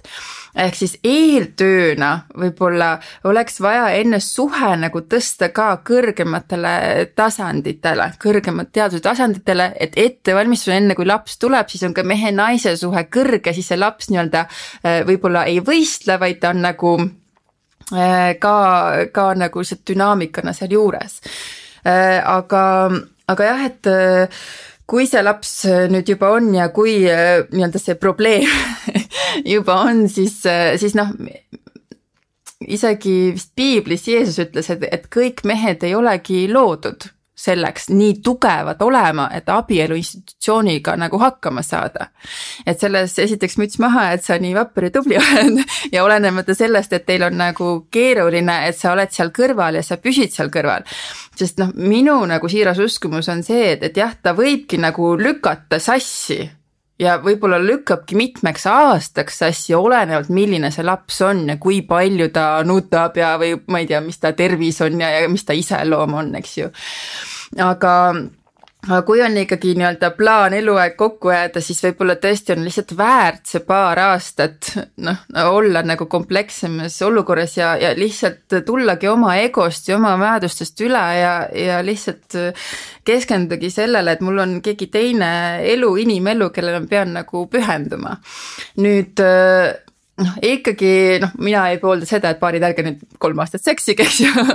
et, et loomulikult äh, võiks nagu hästi tasapisi, hästi vaikselt ikkagi püüelda selle poole. aga see võib olla täpselt see surnud ring, et ma proovin, ei tule välja, tekib suurem frustratsioon ja lähed nagu sügavamale, sügavamale auku. et äh, noh, mina soovitan seda, et ära anna alla, ära anna alla, ära nagu noh, sattu sinna frustratsiooni, mis siis, et äh, ei tekkinud seda erutust, noh homme jälle, homme jälle, homme jälle, et, et ja ja noh, mis nagu võib-olla naist hästi-hästi toetab, on lihtsalt selle mehe kohalolu. et ta ei tunne ennast kuidagi survestatuna. ja kui ta ei tunne ennast kuidagi survestatuna, siis ta tihtipeale avaneb ja on seksiks valmis, et see on nagu see psühholoogiline kiik seal ehk siis võib nagu võtta täiesti teadliku praktika, et paneme, ma ei tea, kümme minutit kellal ja, ja lihtsalt oleme kaisus ja mitte midagi ei tee, isegi võib-olla ei silita, lihtsalt oleme. ja siis võtame järgmised kümme minutit ja võib-olla lihtsalt nagu silitame. ja, ja see ongi meie tänaõhtune näiteks intiimsus ja meil ongi nagu eesmärk, me isegi ei seksi. ja võtad seda võib-olla mitu nagu päeva, võtad nädal aega järjest lihtsalt seda intiimsust, intiimsust. ja, ja vaikselt ma usun, et see avanemine mingi hetk tuleb. ja noh, seal võib noh, ongi vaja vaadata ka psühholoogiliselt, et, et noh, miks, miks see naine ei taha, et kas ongi, mis, kas on need suhtekontekstid või on ta oma kehaga enam ei ole atraktiivne, sest rinnad on teistsugused või, või tupp on võib-olla välja veninud või mis, mis iganes, et naine saaks ka noh, ise oma kehaga tööd teha, et ta tunneb ennast oma kehas uuesti hästi ja lisaks partneri toetust, ma usun, et sellest on võimalik välja tulla läbi kannatlikkuse. nüüd see teema minu jaoks, et kui üks partner tahab rohkem seksi ja teine vähem, et mul on kursustelgi noh, kindlasti väga palju naisi, kus mees tahab rohkem ja naine ei taha. on ka naisi, kus naine tahab hullult, aga mees ei jõua järgi minu jaoks on see lihtne, on see, see tähendab lihtsalt seda, et äh, kumb, kumb saab seksist hea kogemuse. eks kui su seks ei ole sul nagu vau kogemus sinu jaoks no miks sa siis tahaks seda nagu hullult kogu aeg teha? aga kui ta on nagu väga hea kogemus, no siis sa kogu aeg tahad, et noh, mina olin kogu aeg see naine varem, kes tahtis vähem ja mees tahtis kogu aeg rohkem. aga pärast seda, kui ma nagu ennast lahti tegin, üldiselt olen mina kogu aeg see, kes tahab rohkem sest ma nagu saan aru, et vau wow,, et seks võib olla nagu super nauditav ja selleks on vaja nagu jällegi endaga tööd teha, et iseennast lahti teha, et see seks oleks sinu jaoks nauditav. ja siis noh, ma usun, et saab sinna kus partnerid tahavad võrdselt. see veel, et üks tahab rohkem, teine vähem, see dünaamika, see võib olla ma olen natukene lugenud ka sellist hormoonide kõikumist, et see oleneb nagu ka millise orgasmi sa saad. ehk siis, kui mees saab ejakulatoorse orgasmi, mis noh, enamus mehi siiski tänasel hetkel saab, ehk siis seemnepurskega on orgasm, siis tihti jah, sa saad selle tippnaudingu kätte, aga pärast seda sa justkui kukud alla ja mis võib juhtuda, sa kukud nagu oma emotsionaalsel tasandil rohkem alla, kui sa enne olid. ehk siis ütleme, sa oled stabiilne, saad tippnaudingu, aga siis noh, kas sa nüüd päris depressiooni langed, aga, aga noh, nagu narkootikum, eks sul on mingi tippnauding ja kukud rohkem põhja. ja naisel samamoodi, kui naine saab selle nii-öelda üldiselt kliitorist selle samamoodi, et see purskab hetkeks, supernauding, aga siis tuš, kukub alla, seksiisu kadunud, sama dünaamika sealt võib juhtuda, et su hormoonid lähevad kehas sassi. Äh, ja see võib olla mitu nädalat sassis. mis on su strateegia, kui sa oled seal põhjas? ühel partneril võib olla strateegia see, ma olen põhjas, kuidas ma välja saan, ma võtan uue laksu, ma tahan kohe uuesti seksi, et saada jälle see hea tunne kätte, alateadlikult. teine partner, ma olen põhjas, miks ma põhjas olen? Sellepärast et partner viis mind sinna põhja. noh, alateadlikult, sa ei taha seksida, sest seksi lõpptulemus on see, et sa oled põhjas, kuigi sa said hetkelise naudingu. nüüd, kui partnerite strateegiad on erinevad, üks tahab nagu kohe uuesti uut laksu, teine ei taha, sest ta teab, et see viib teda põhja seal tekib ka see, et üks tahab rohkem ja teine tahab vähem. aga kas see ei tähenda seda, et nüüd, kui ühe partneri Äh, üks partner ta kukub nagu rohkem põhja, et see seks oleks halvalt otseselt. lihtsalt tema keha dünaamika reageerib selliselt või nagu alateadlik mõistus. alateadvus reageerib, ehk siis noh, seal see lahendus oleks see hoida seksuaalenergiat enda sees. ehk siis mitte minna selle plahvatusliku orgasmini. kui sa hoiad nagu noh, selle orgasmi enda sees ja ei lähe selle plahvatuseni, kus sa kukud siis sa oled kogu aeg tegelikult kiimas nii mees kui naine et aga noh, see, et see võib-olla ära treenida üldiselt, eriti meeste puhul, noh, mina naisena ütlen, minu puhul see nõuab ka tohutut tahtejõudu, et mitte sinna plahvatusliku orgasmini jõuda. et ähm, see nõuab tahtejõudu ja noh, tihti seda lihtsalt ei, ei ole, aga kui see on ja sa suudad läbi minna ja noh, ma olen näinud ka seda nagu meespartneritelt ja ka endalt, noh, tegelikult see lõpptulemus on ikkagi oluliselt parem, noh, see on, see on nagu, ma ei tea, toiduga sööd mingi ma ei tea, üli ebatervisliku asja ära sellel hetkel meelele, ta on võib-olla mingi nauding, sest mis iganes see soolu või see suhkur või see rasv tekitab nagu mingi dopamiini laengu, eks ju, aga noh, tunni aja pärast sul on mingi, aa, mul on nii raske olla. -hmm. aga kui sa sööd nagu midagi nagu mõnusat, no mis on ikkagi nagu hea maitsega, sul on pärast ka hea olla ja noh, mhm. pikast perspektiivist on nagu kasulikum. aga see äh, niimoodi konstantselt kogu aeg kiimas olla äh, see ei ole ka hea tunne, et nagu ma täna mehena saan, noh, ilmselt nagu sedasama öelda, mis sinugi enda elukaaslane võib-olla on sulle üritanud öelda, aga aga et nagu väga raske on olla niimoodi kogu aeg laetud ristaga nii-öelda. nii, otse kui üldse öelda on, et väga vastik on olla, sa, ma muutun närviliseks, muutun ja. väga närviliseks. ja, ja, ja ma näen, et ma olen selline inimene, keda ma ise äh, kellega ma ei oleks isegi võib-olla koos, ma praegu, noh, see kõlab väga, väga hullult praegu, aga ma lihtsalt toon nagu näite, ma ise ei tahaks sellise inimesega suheldagi, ma muutun vastikuks lihtsalt, ma muutun ka mehena vastikuks, ma ei tee midagi halba, ma ei ole mingi füüsiliselt vägivaldne, ma ei hakka mõnitama ega solvama. aga ma käitun teistmoodi. ma olen natuke sihuke nagu noh, kuidagi teistmoodi. ja mis ma olen tähele pannud, ongi huvitav, et äh, paljud on nagu öelnud ka, et mis siis on, et no, oled rohkem kiimas, löö siis pihku noh. see ei aita, see ei ole see. see ei lahenda mu probleemi. aga mis ma lahendan, on see, kui ma saan seksi, mis on, mis on ääretult hea meel. Ja mul on see pinge maas vähemalt kaheks nädalaks. ma päriselt ei tahagi, mu keha ei taha äh, kuulnud sellist lauset, et mehed pidid saama energiat naistelt et ja naised saavad universumilt, et ma ei tea kuidas see päriselt paika peab, aga, aga see selles mõttes, et kui Kris praegu seda jagab, siis see kõlab justkui nagu loogiliselt. aga minul näiteks on vaata, sa jagasid just, et, et sa saad selle paugu ära siis sa ei taha, et minul on hästi palju just seda, et, et me näiteks seksimegi ära, see on ülihea, see on ülinauditav ja siis tuleb see orgasm ära, see ongi nagu, ongi mega hea. Ja siis ta ilmselt viskab mingi sinna madalale ja siis ma mõnda aega ei taha, et siis on nagu plats puhas. Ja siis mul mees juba naerab, et noh, nüüd on ära, nüüd ma siis tean, et kuu aega on vähemalt vaikust. Äh, jah, siin on paar, paar asja jällegi, mitu, mitu teemat tuleb, et esiteks see, et sul on kogu aeg kiimas. Äh, jah, ma tean seda tunnet, sest mingi hetk ma otsusin ka, võtan kuus kuud sölibaati endale teadlikult. Olles nagu, võtsin, äh, täits, täitsin oma lubadust noh, mul olid natuke võib-olla mingid sellised noh, mingeid intiimseid aelemisi, aga, aga penetratsioonini noh, ma ei jõudnud, sest mul oli nagu lubadus endale andnud ja noh, päris hull oli ja ka need perioodid, kus noh, mul ei ole partnerit võib-olla pikka aega, kus ma ei ole nagu teadlikult võtnud, aga lihtsalt ongi, et ei ole suhtes ja, ja kedagi ei ole, et noh, seal on ka ikka päris mingeid, mingeid pikki perioode tulnud.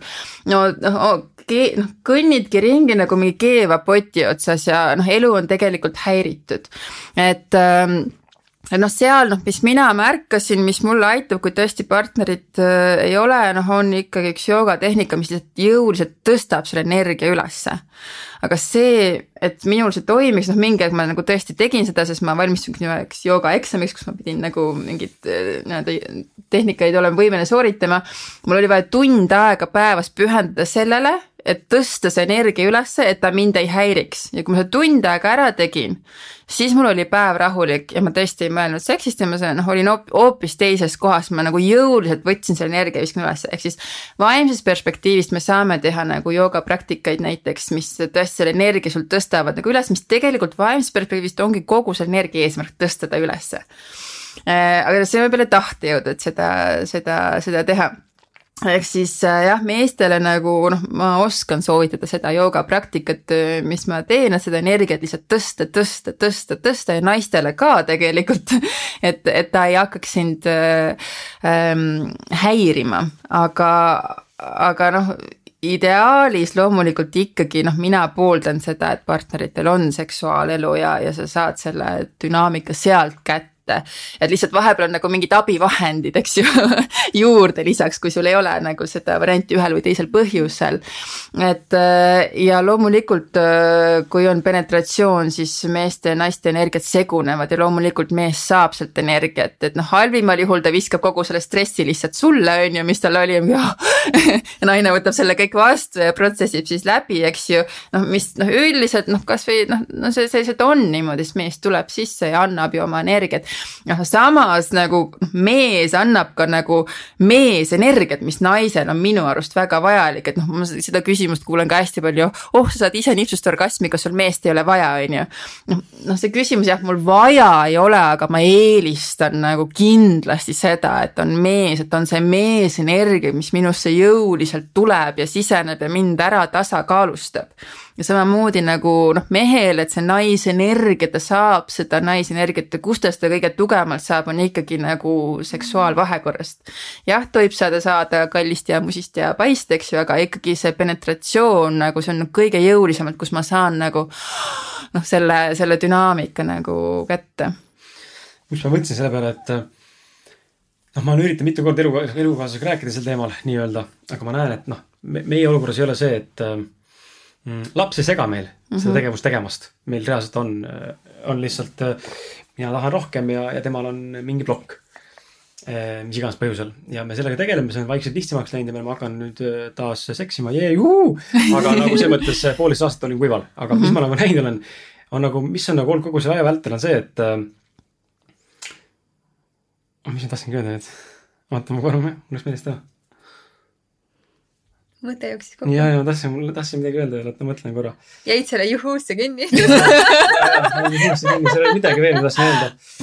aa, et tuli meelde, tahtsin seda öelda, et et väga lihtne mul mehena öelda naisele, et noh, come on, võta siis see viis minutit ja rahulda mind käega või, või tee midagi mulle, et mul oleks hea, sest ma ise end-, noh, endale tehes see, see lihtsalt on nagu null, mõttetu mm, -hmm. sama aeg, ma jooksen pea vastu seina mm. -hmm. ei ole, ei ole kasu sellest. Aga ma saan aru tegelikult, kui ta ei taha mm, -hmm. siis on väga raske tal teha seda mm. -hmm. see on see, mis sa rääkisid ka mulle, et sa nagu saad nagu aru, et tegelikult ju ei ole lihtne on ju tegelikult teha see samm. ma armastan oma meest või ma armastan oma naist, ma lähen ja teen selle ära, tal oleks hea. järelikult ta on ka nagu maandatud, ta on rahulikum järgmised nädalad. selles mõttes ta käib mul iga päev pinda, räägib mulle mingit seksijuttu ja mingeid asju, mingeid vihjeid. aga ma näed, ei tee seda mida, mida, kuidas nagu seal sellest toimida, kui tegelikult see samm on tegelikult nii lihtne ju. noh, aga sa ei tee seda jaa, ei ma kindlasti ei soovitaks mehel öelda naisele, et tee nüüd midagi ma olen seda lauset kuulnud, paljud naised on mulle ka kursusel öelnud, et see lause nagu tuleb. see paneb naisele kohe pinge äh, ja see, et tee nüüd midagi, siis naine kohe mõtleb, ma nüüd ei tee midagi. või noh, ta teebki jõuga selle asja ära ja mina olen ka jõuga teinud mingeid asju nagu ära. Äh, see ei ole üldse hea teekond kuhu astuda. et äh, mis mina tegelikult üks parimaid soovitusi, mis ma ühelt oma õpetajalt olen saanud, ma läksin temaga rääkima, ma tundsin, ma lihtsalt, mul oli vaja nagu mingit tuge, läksin üldiselt temaga rääkima, jõudsime ikka suhte ja seksini. ja, ja siis ta ütleb mulle, et, et, et Karoli, ma kuulan sind ja mul on selline tunne, et et sa ootad nagu mingi printsi valgel hobusel, kes tuleb ja, ja noh, päästab su ära ja hoolitseb su eest ja on see ideaalne mees, on ju.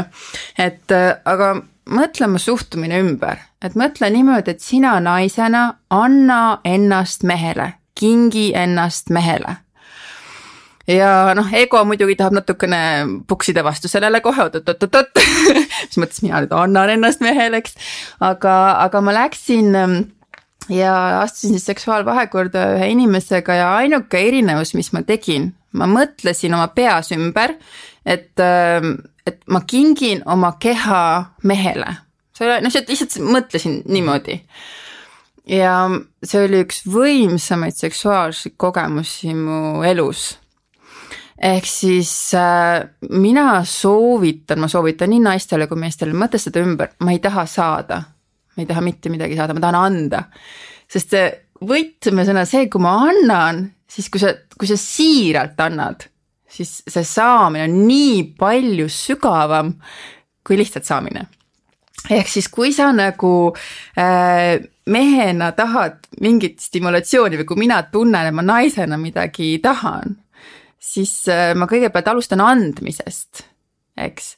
et äh, ma tean, mis mu partnerile meeldib ja ma alustan, ma annan talle mis siis, et võib-olla noh, mees võiks tegeleda naisega, on ju, kui ma tahan seksi, siis ma lähen teen talle suuseksi ja ta on erutunud ja, ja mina saan selle, ehk siis kui sa tahad, et naiselt midagi saada, siis ma ei tea, mis talle meeldib, tee talle massaaži või hoia teda kaisus või räägi temaga ilusti või vaata seda filmi, mis talle meeldib või telli see, ma ei tea, sushi, mis talle maitseb või noh, mis iganes, et kui sa tahad midagi saada, alusta andmisest ja, ja sealt tuleb, sealt tuleb nagu loomulikult see dünaamika, nüüd ma tahan vastu anda. ehk siis, ehk siis ka kogu see eelmängu asi, et kui nagu mehed vahest mõtlevad, oh, ma pean selle eelmängu nagu naisele ära tegema aga kui sa selle ära teed, siis naine on kõigeks valmis nagu. Ta teeb mida iganes, mis sa nagu unistanud oled, kui sa oled talle nagu andnud selle nagu käivituse.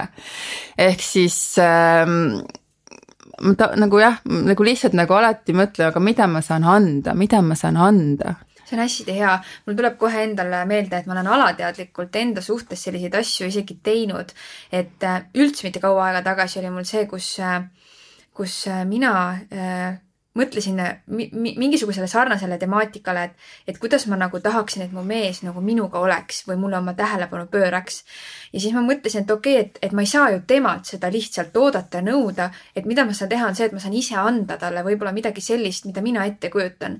ja siis ma mitu korda tegingi äh, midagi sellist, et ma lihtsalt äh, palusin tal minna voodisse pikali ma lihtsalt masseerisin teda, aga ma lihtsalt nagu puudutasin teda erinevatest kohtadest hästi armastavalt ja mingis mõttes ka energeetiliselt teadlikult suunates oma sellist armastavat energiat tema peale ja, ja jõudeski lõpuks ka tema, eh, tema peenise juurde ja rahuldades ka teda, et, eh, et kuidagi nagu, nagu selline dünaamika ma nägin, et see lõi nii palju sellist nagu ka rahulolu ja harmooniat, ilma et ma isegi oleksin midagi vastu oodanud, et mm, -hmm. et see mhm. lihtsalt tegelikult see andmine oli minu jaoks juba sellel hetkel niivõrd nagu selline, kuidas öelda, nagu hea ja rahuldust pakkuv, et ma nägin, et temal oli niivõrd mõnus olla mm. -hmm. see on hästi oluline, et see andmine on siiras sest hästi palju, noh, mida mina olen teinud ja mida paljud naised tege-, teevad, eks ju äh,. ma annan, et olla hea naine, ma annan, et olla voodis hea. aga kui sa juba selle mentaliteediga lähed no siis, siis tegelikult noh, see, seda ongi, see on tunnetatav. sama, mis ka see, kui sa lähed nagu eh, mehena, ma ise olen sellest ämbrisse astunud paar korda, et äh, lähen nagu selle, ma lähen justkui tegema eelmängu, masseerin kõik värki, no ma selles mõttes ma väga-väga austan ja hindan ja armastan eelmängu, mul ei ole midagi selle vastu, kui see on tundide viisi. aga lihtsalt ma näen, mõnikord nagu tahad ikkagi jõuda sinna, noh, et äkki on lootust täna saada. ja see naine tunneb kohe ära selle mm.. ja siis on pekkis mm, kohe tunneb ära selle, et sa tegelikult tahad midagi muud sealt saada ja kohe tekib pinge ja yeah. tekib kohe tõrge ja siis on kõik suletud, jalad on eh, risti enam-vähem ja siis on, ma ei tea, mis iganes veel onju, et noh, ma toon nagu näited onju. et see on huvitav, et see, see tunnetuspõhiselt on kohe ära tunda, kas sa teed eh, siirast andmisest, ilma et sa loodad, saad midagi kohe vastu saada või seksini jõuda. või sa teed seda selle eesmärgiga, et nüüd sa tead, et sa saad raudselt täna seksi mm. -hmm jah, seal nagu ongi, et noh, ega enda psühholoogiat või seda mõtet on ka ju vahest raske kontrollida, et mõtledki, et oh, ma tahakski täna võib-olla ainult nagu äh, partneri masseerida. aga see võib aga, muutuda ju. see võib muutuda, aga noh, siis võibki kasvõi nagu noh, teedki, et täna teeme nagu praktika ja lepimegi kokku, et et kallis, täna ma ei tea, kakskümmend minutit ma ainult masseerin ja me ja lepime kokku, ei, me ei vaata. Me lepiti kokku ja sa ei seksigi, isegi kui tekib võib-olla tahe seksida, isegi mõlemapoolne, võib-olla sa oled selle otsuse vastu võtnud, et, et nagu, et seda pinget nagu maandada, sest äh, minul see partner, kes äh,, kes noh, minul nagu tõesti selle radikaalse avanemise tõi, ma kohe alguses ma tundsin täpselt samamoodi, et nagu zzz, noh, lähed, lähed nagu kohe noh, selline seksuaalenergia ja, ja kui me siis kokku saime, siis ta ütles, ma ei seksi sinuga. Vau, vau, vau, vau, mis mõttes on ju, ma olin nii kiimas, meil oli selline tõmme. noh, me ka aelasime ja noh, mingid asjad, ütles, et ei, ma ei seksi sinuga, ma mingi, mis mõttes sa ei seksi sinuga, ei, et ma nagu kaks kuud ei seksi sinuga. ma läksin hulluks nagu, ta, ta ütles mulle, ta ütles mulle, et sa ei ole valmis. Mis mõttes ma ei ole valmis, ma olen valmis, on ju. ja, ja tal oli, tal oli täiesti õigus et, et, et mul oligi vaja seda kaks kuud, et see pinge maha võtta, et me ei seksi. ja ma teadsin kogu aeg, kui me jälle voodisse läksime, et me ei seksi, sest ta põhimõtteliselt ta ei seksi muga esimesed kaks kuud ja, ja see võttis selle pinge maha ja see tegi minus selle radikaalse hüppe, et ma olin nagu avatud ja reaalselt valmis äh, nii-öelda seksima, sest mina läksin tema juurde alguses täpselt sama jutuga, et tead, mina olen see naine, mina märjaks ei lähe, mul on seksiga nagu probleemid, vahest on okei okay,, aga vahest mul jälle nagu lainetab ta vaatab mulle nagu otsa, ütleb, et ei, et noh, et sa hakkad nagu voolama nagu kevadised veed, ma ütlesin ei, ei, ei, mina ei ole nagu noh, mul on bioloogiliselt, mul on teistsugune keha, ma ei ole, ma olen kuulnud küll naisi, kellel läheb kiiresti märjaks, on ju, aga mul lihtsalt ei ole selline keha, ma tean ju oma keha nagu, ma olen siin noh, kogemusi küll, on ju. ja noh, temal oli õigus, no kuidas ta seda saavutas, et ta kaks kuud lihtsalt nagu keeldus minuga seksimast, pinge tuli maha mm.. et äh, ja hiljem, mis oli väga huvitav, kui me olime pikka aega koos olnud, tal ei läinud peenis kõvaks enne, kui minul oli tupp märg. ta lihtsalt isegi keha ei reageerinud ennem, kui mina olin valmis. ta oli väga nagu tundlik selles mõttes. ehk siis isegi kui ma nagu ma mõistuses mõtlen, et oh, tahan, tahan, tahan, aga keha tegelikult ei ole nagu seal, siis tema keha tunnetas selle ära ja see nagu võttis jällegi minult pinge maha, sest ma nagu alati nagu oli nagu nii-öelda see noh, nagu see osuti, mis ütles, et nagu kas minu keha on valmis, kuna ma ise ka nagu vahest ei suutnud adekvaatseid otsuseid vastu võtta, kas ma olen valmis või ei ole. et see pinge mahavõtmine, et eeldus, et me jõuame kuskile, see on nagu ülioluline nii mehele kui naisele tegelikult, sest tihti on mehed see, kas mul läheb kõvaks või kui mul läks kõvaks ja ma kohe ei sisene, kas ta jääb kõvaks või siis ta läheb pehmeks tagasi ja kui ta pehmeks tagasi läheb, kas ta siis uuesti läheb kõvaks, sest kogu aeg, noh, mis on pinge ja eeldus, pinge ja eeldus, mm. pinge ja eeldus. ja naisel on see tupega, eks ju, kas mul läheb märjaks, kas ta avaneb, mõlemal on see pinge ja eeldus, pinge ja eeldus. ehk siis see on nagu see, mis pärsib seda kõige rohkem. see on päris hea. see seksimaju on ikka oh. see on nii sügav. okei mm tead, ma küsin sult hoopis sellise küsimuse, et mina näiteks äh, ei ole kogenud mitmeid orgasme nagu, ma mõtlen järjest mitmeid mm -hmm. orgasme, et alati on see olnud äh, pigem vist klitoriaalne, võib siis mm -hmm. nii öelda, ma olen kogenud ka vaginaalselt mm. -hmm. et mida nagu naine saab teha selleks, et ta siis kogeks järjest nagu erinevaid, et ma saan aru, et see klitoriaalne on see, mis viib energia välja üldiselt, et noh, naise keha on nagu tõeline imedemaa et noh, kliitor on väljaspool, seega see tõenäosus, et kui ma seal stimula-, noh, kliitor läheb ka sissepoole, aga ütleme, see põhistimulatsioon on ikkagi see väline, eks. et, et üldiselt, kui ma sealt energiat stimuleerin ja sealt see orgasm tekib, minu puhul on ka üldiselt see nagu lihtsalt see energia purskub välja, täpselt samamoodi nagu meestel mm. nagu seemned purskavad, läheb mm. välja ähm, üldiselt tupes sisene stimulatsioon on, on lihtsam, et see energia nagu jääb sinu sisse. on naisi, kes spontaanselt kogevad kliitorikasmi ja see jääb keha sisse ja võib ka olla, et sa tupe seest nagu stimuleerid mingit punkti ja kuidagi ikkagi see energia voolab välja, ehk siis ehm, mis on vaja ära õppida, on see energia teekond, et tal on see harjumus minna välja, välja, välja, aga suunata ta sisse, siis ka kliitori orgasmi iseenesest saab suunata nagu sisse. Okay.. aga see tõenäosus, et ma saan, et see orgasmi energia jääb sisse, on suurem, kui ta tuleb nagu tupe seest ehk siis, siis ta juba oled sees, ehk siis, siis seda sisse kanaldada on nagu suurem. ja kui ta jääb su sisse, siis juhtub see, et sa noh, käid oma seal tipus ära ja sa tuled küll natuke alla, aga sa ei vaju nagu sinna päris põhja. ehk siis mm, -hmm. siis sa jääd nagu sinna nagu üles lainetama ja siis sa saad nagu uuesti kogeda nagu jälle koged ära, tuled alla.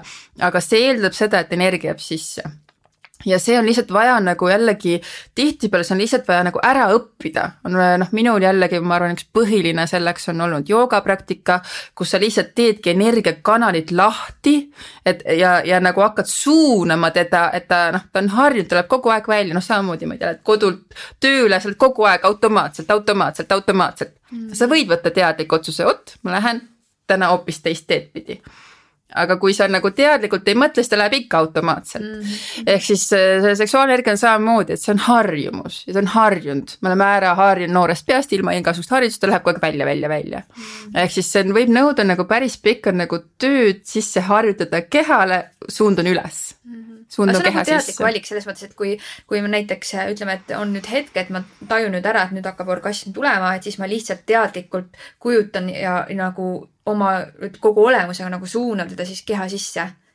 Jah, see on teadlik valik, see võib nõuda praktikat, see võib nõuda rohkem praktikat kui lihtsalt mõttejõud, kui sul on väga tugev mõttejõud, kui su keha on suhteliselt avatud, siis sellest võib täiesti piisata ja, ja nii ongi, et sa nagu ähm, selle asemel, et sa lähed pingesse, sa võimalikult lõdvestud ja noh, näiteks hingate ülesse või visualiseerite ülesse või, või ka võtad käed ja nagu noh, tõstad nagu üles, mis iganes nagu sulle, sulle toimib. Äh, et ähm, et see nagu võib-olla noh, võib-olla, et võib-olla ongi vaja lihtsalt oma keha puhtamaks teha, võib-olla toitumist muuta, äh, võib-olla teha mingit jooga või mingeid selliseid praktikaid, mis, mis noh, need energiakanalid avavad ja seda energia liikumist nagu toetavad, et see nagu hästi oleneb, kus sa omadega oled ja ka kui suur on su mõttejõud. et jällegi, kui ma toon näite nagu endalt, et kui mina nagu alustasin selle praktikaga, noh jällegi seesama imeline partner, keda ma siin kogu aeg välja toon, no mis tema tegi, me alustasime seksimist äh, või, või või noh, mingit muud intiimset tegevust, seksuaalenergiad olid väga-väga üleval. tema tahti, me mõlemad nagu tahtsime seda proovida, sest me mõlemad olime nagu algajad sellises, sellise nagu orgasmide õppimisel ja seksuaalse viljelemisel. aga tema tahtejõud oli, oli väga, väga palju tugevam, ta sõna otseses mõttes, ta viskas mu voodist välja. ma olin väga pahane ja mõlemad läksime pea peal seisu ja siis ma nagu mõtlesin nagu tegelikult ka või et äh, meil oli just nagu mingi hull kirglik nagu seks ja nüüd ma siin olen nagu pea peal ja vaatan ja tema on pea peal, lihtsalt nagu seisame et mis toimub, et noh, hästi nagu lühises see viis nagu endal ka, et, et mis nagu toimub, aga see nagu treening oli nagu vajalik. et see energia oligi täiesti laetud ja noh, järgmine hetk ta oleks meil mõlemal välja hüpanud. ja siis sa, me lihtsalt nagu, me, meie pidime eralduma, et hallata seda energiat ja, ja noh, paned keha ka teistpidi, mis nagu füüsiliselt toetab, et see energia siis liiguks. mingi hetk sa kontrollid seda paremini ja siis võib-olla hingamine ja visualiseerimine, et see nagu oleneb, kui hästi sa kontrollid, kui suur see energia on, kui suur su tahtejõud on. noh, nagu hästi, et kui palju tööd sa pead tegema, mõnel võib see väga spontaanselt tulla. see on äh, see kindlasti aitab kaasa ka sellele, et seks oleks pikem, pikemaajalisem tõenäoliselt on ju. jaa, et noh, siis ta nagu kestabki nii kaua, kui sul aega on põhimõtteliselt või energiat mm, -hmm. või noh, mhm. füüsilist energiat, eks ju mm -hmm.. huvitav jah, just mõtlen, et huvitav on nagu mõelda, et tegelikult selles seksienergias on ikka nii palju nagu neid äh, mitmeid külgi ja nagu, nagu selles mõttes tasemeid või, või nagu nii-öelda ma ei teagi, mingeid eesmärke, et äh, kunagi lugesin ühte artiklit sellest, kuidas äh, noh, see oli, rääkis treeningutest, et kuidas ähm, ei mäleta, mis, mis hormoon seal tööle hakkas siis, aga et äh, lihaste kasvatamiseks ühesõnaga mingi hormoon äh, sai siis väga suure laksu, kui mees läheb pärast äh, nii-öelda siis seenepurset treenima mm.. kohe seesama, kohe ära tuleb nii-öelda, kohe lähed selle energia pealt lähed tegema trenni. et see pidi olema nagu meeletu power taga seal. keha pidi olema laetud mingite mis iganes asjadega mm,. väga huvitav. ma proovinud ei ole, ma ei tea, mul lihtsalt tuli meelde see pealeseisuga, et yeah., et kohe käteke pumpama no tavaliselt on mees kutupiilu, kui ta on nagu pursas, on ju, et on pigem nagu see väsimus, sest sa tunned, et sa oled välja lasknud mingi mm -hmm. väga võimsa energia, eks ju. et, äh, et jah, seda uuringut sellega ma ei ole kursis, ei oska siin kommenteerida. aga ma küsin äh, kohe sellise küsimuse, et äh, kuidas saab mees aidata naisel tõsta nii-öelda siis seksuaaliha ja liibidot no ma arvan, et täpselt see, mis ma võib-olla enda kogemusest jagasin, et, et äh, see kohalolu minu jaoks on see nagu võtmesõna, kui mees on nagu kohal, naine tajub seda.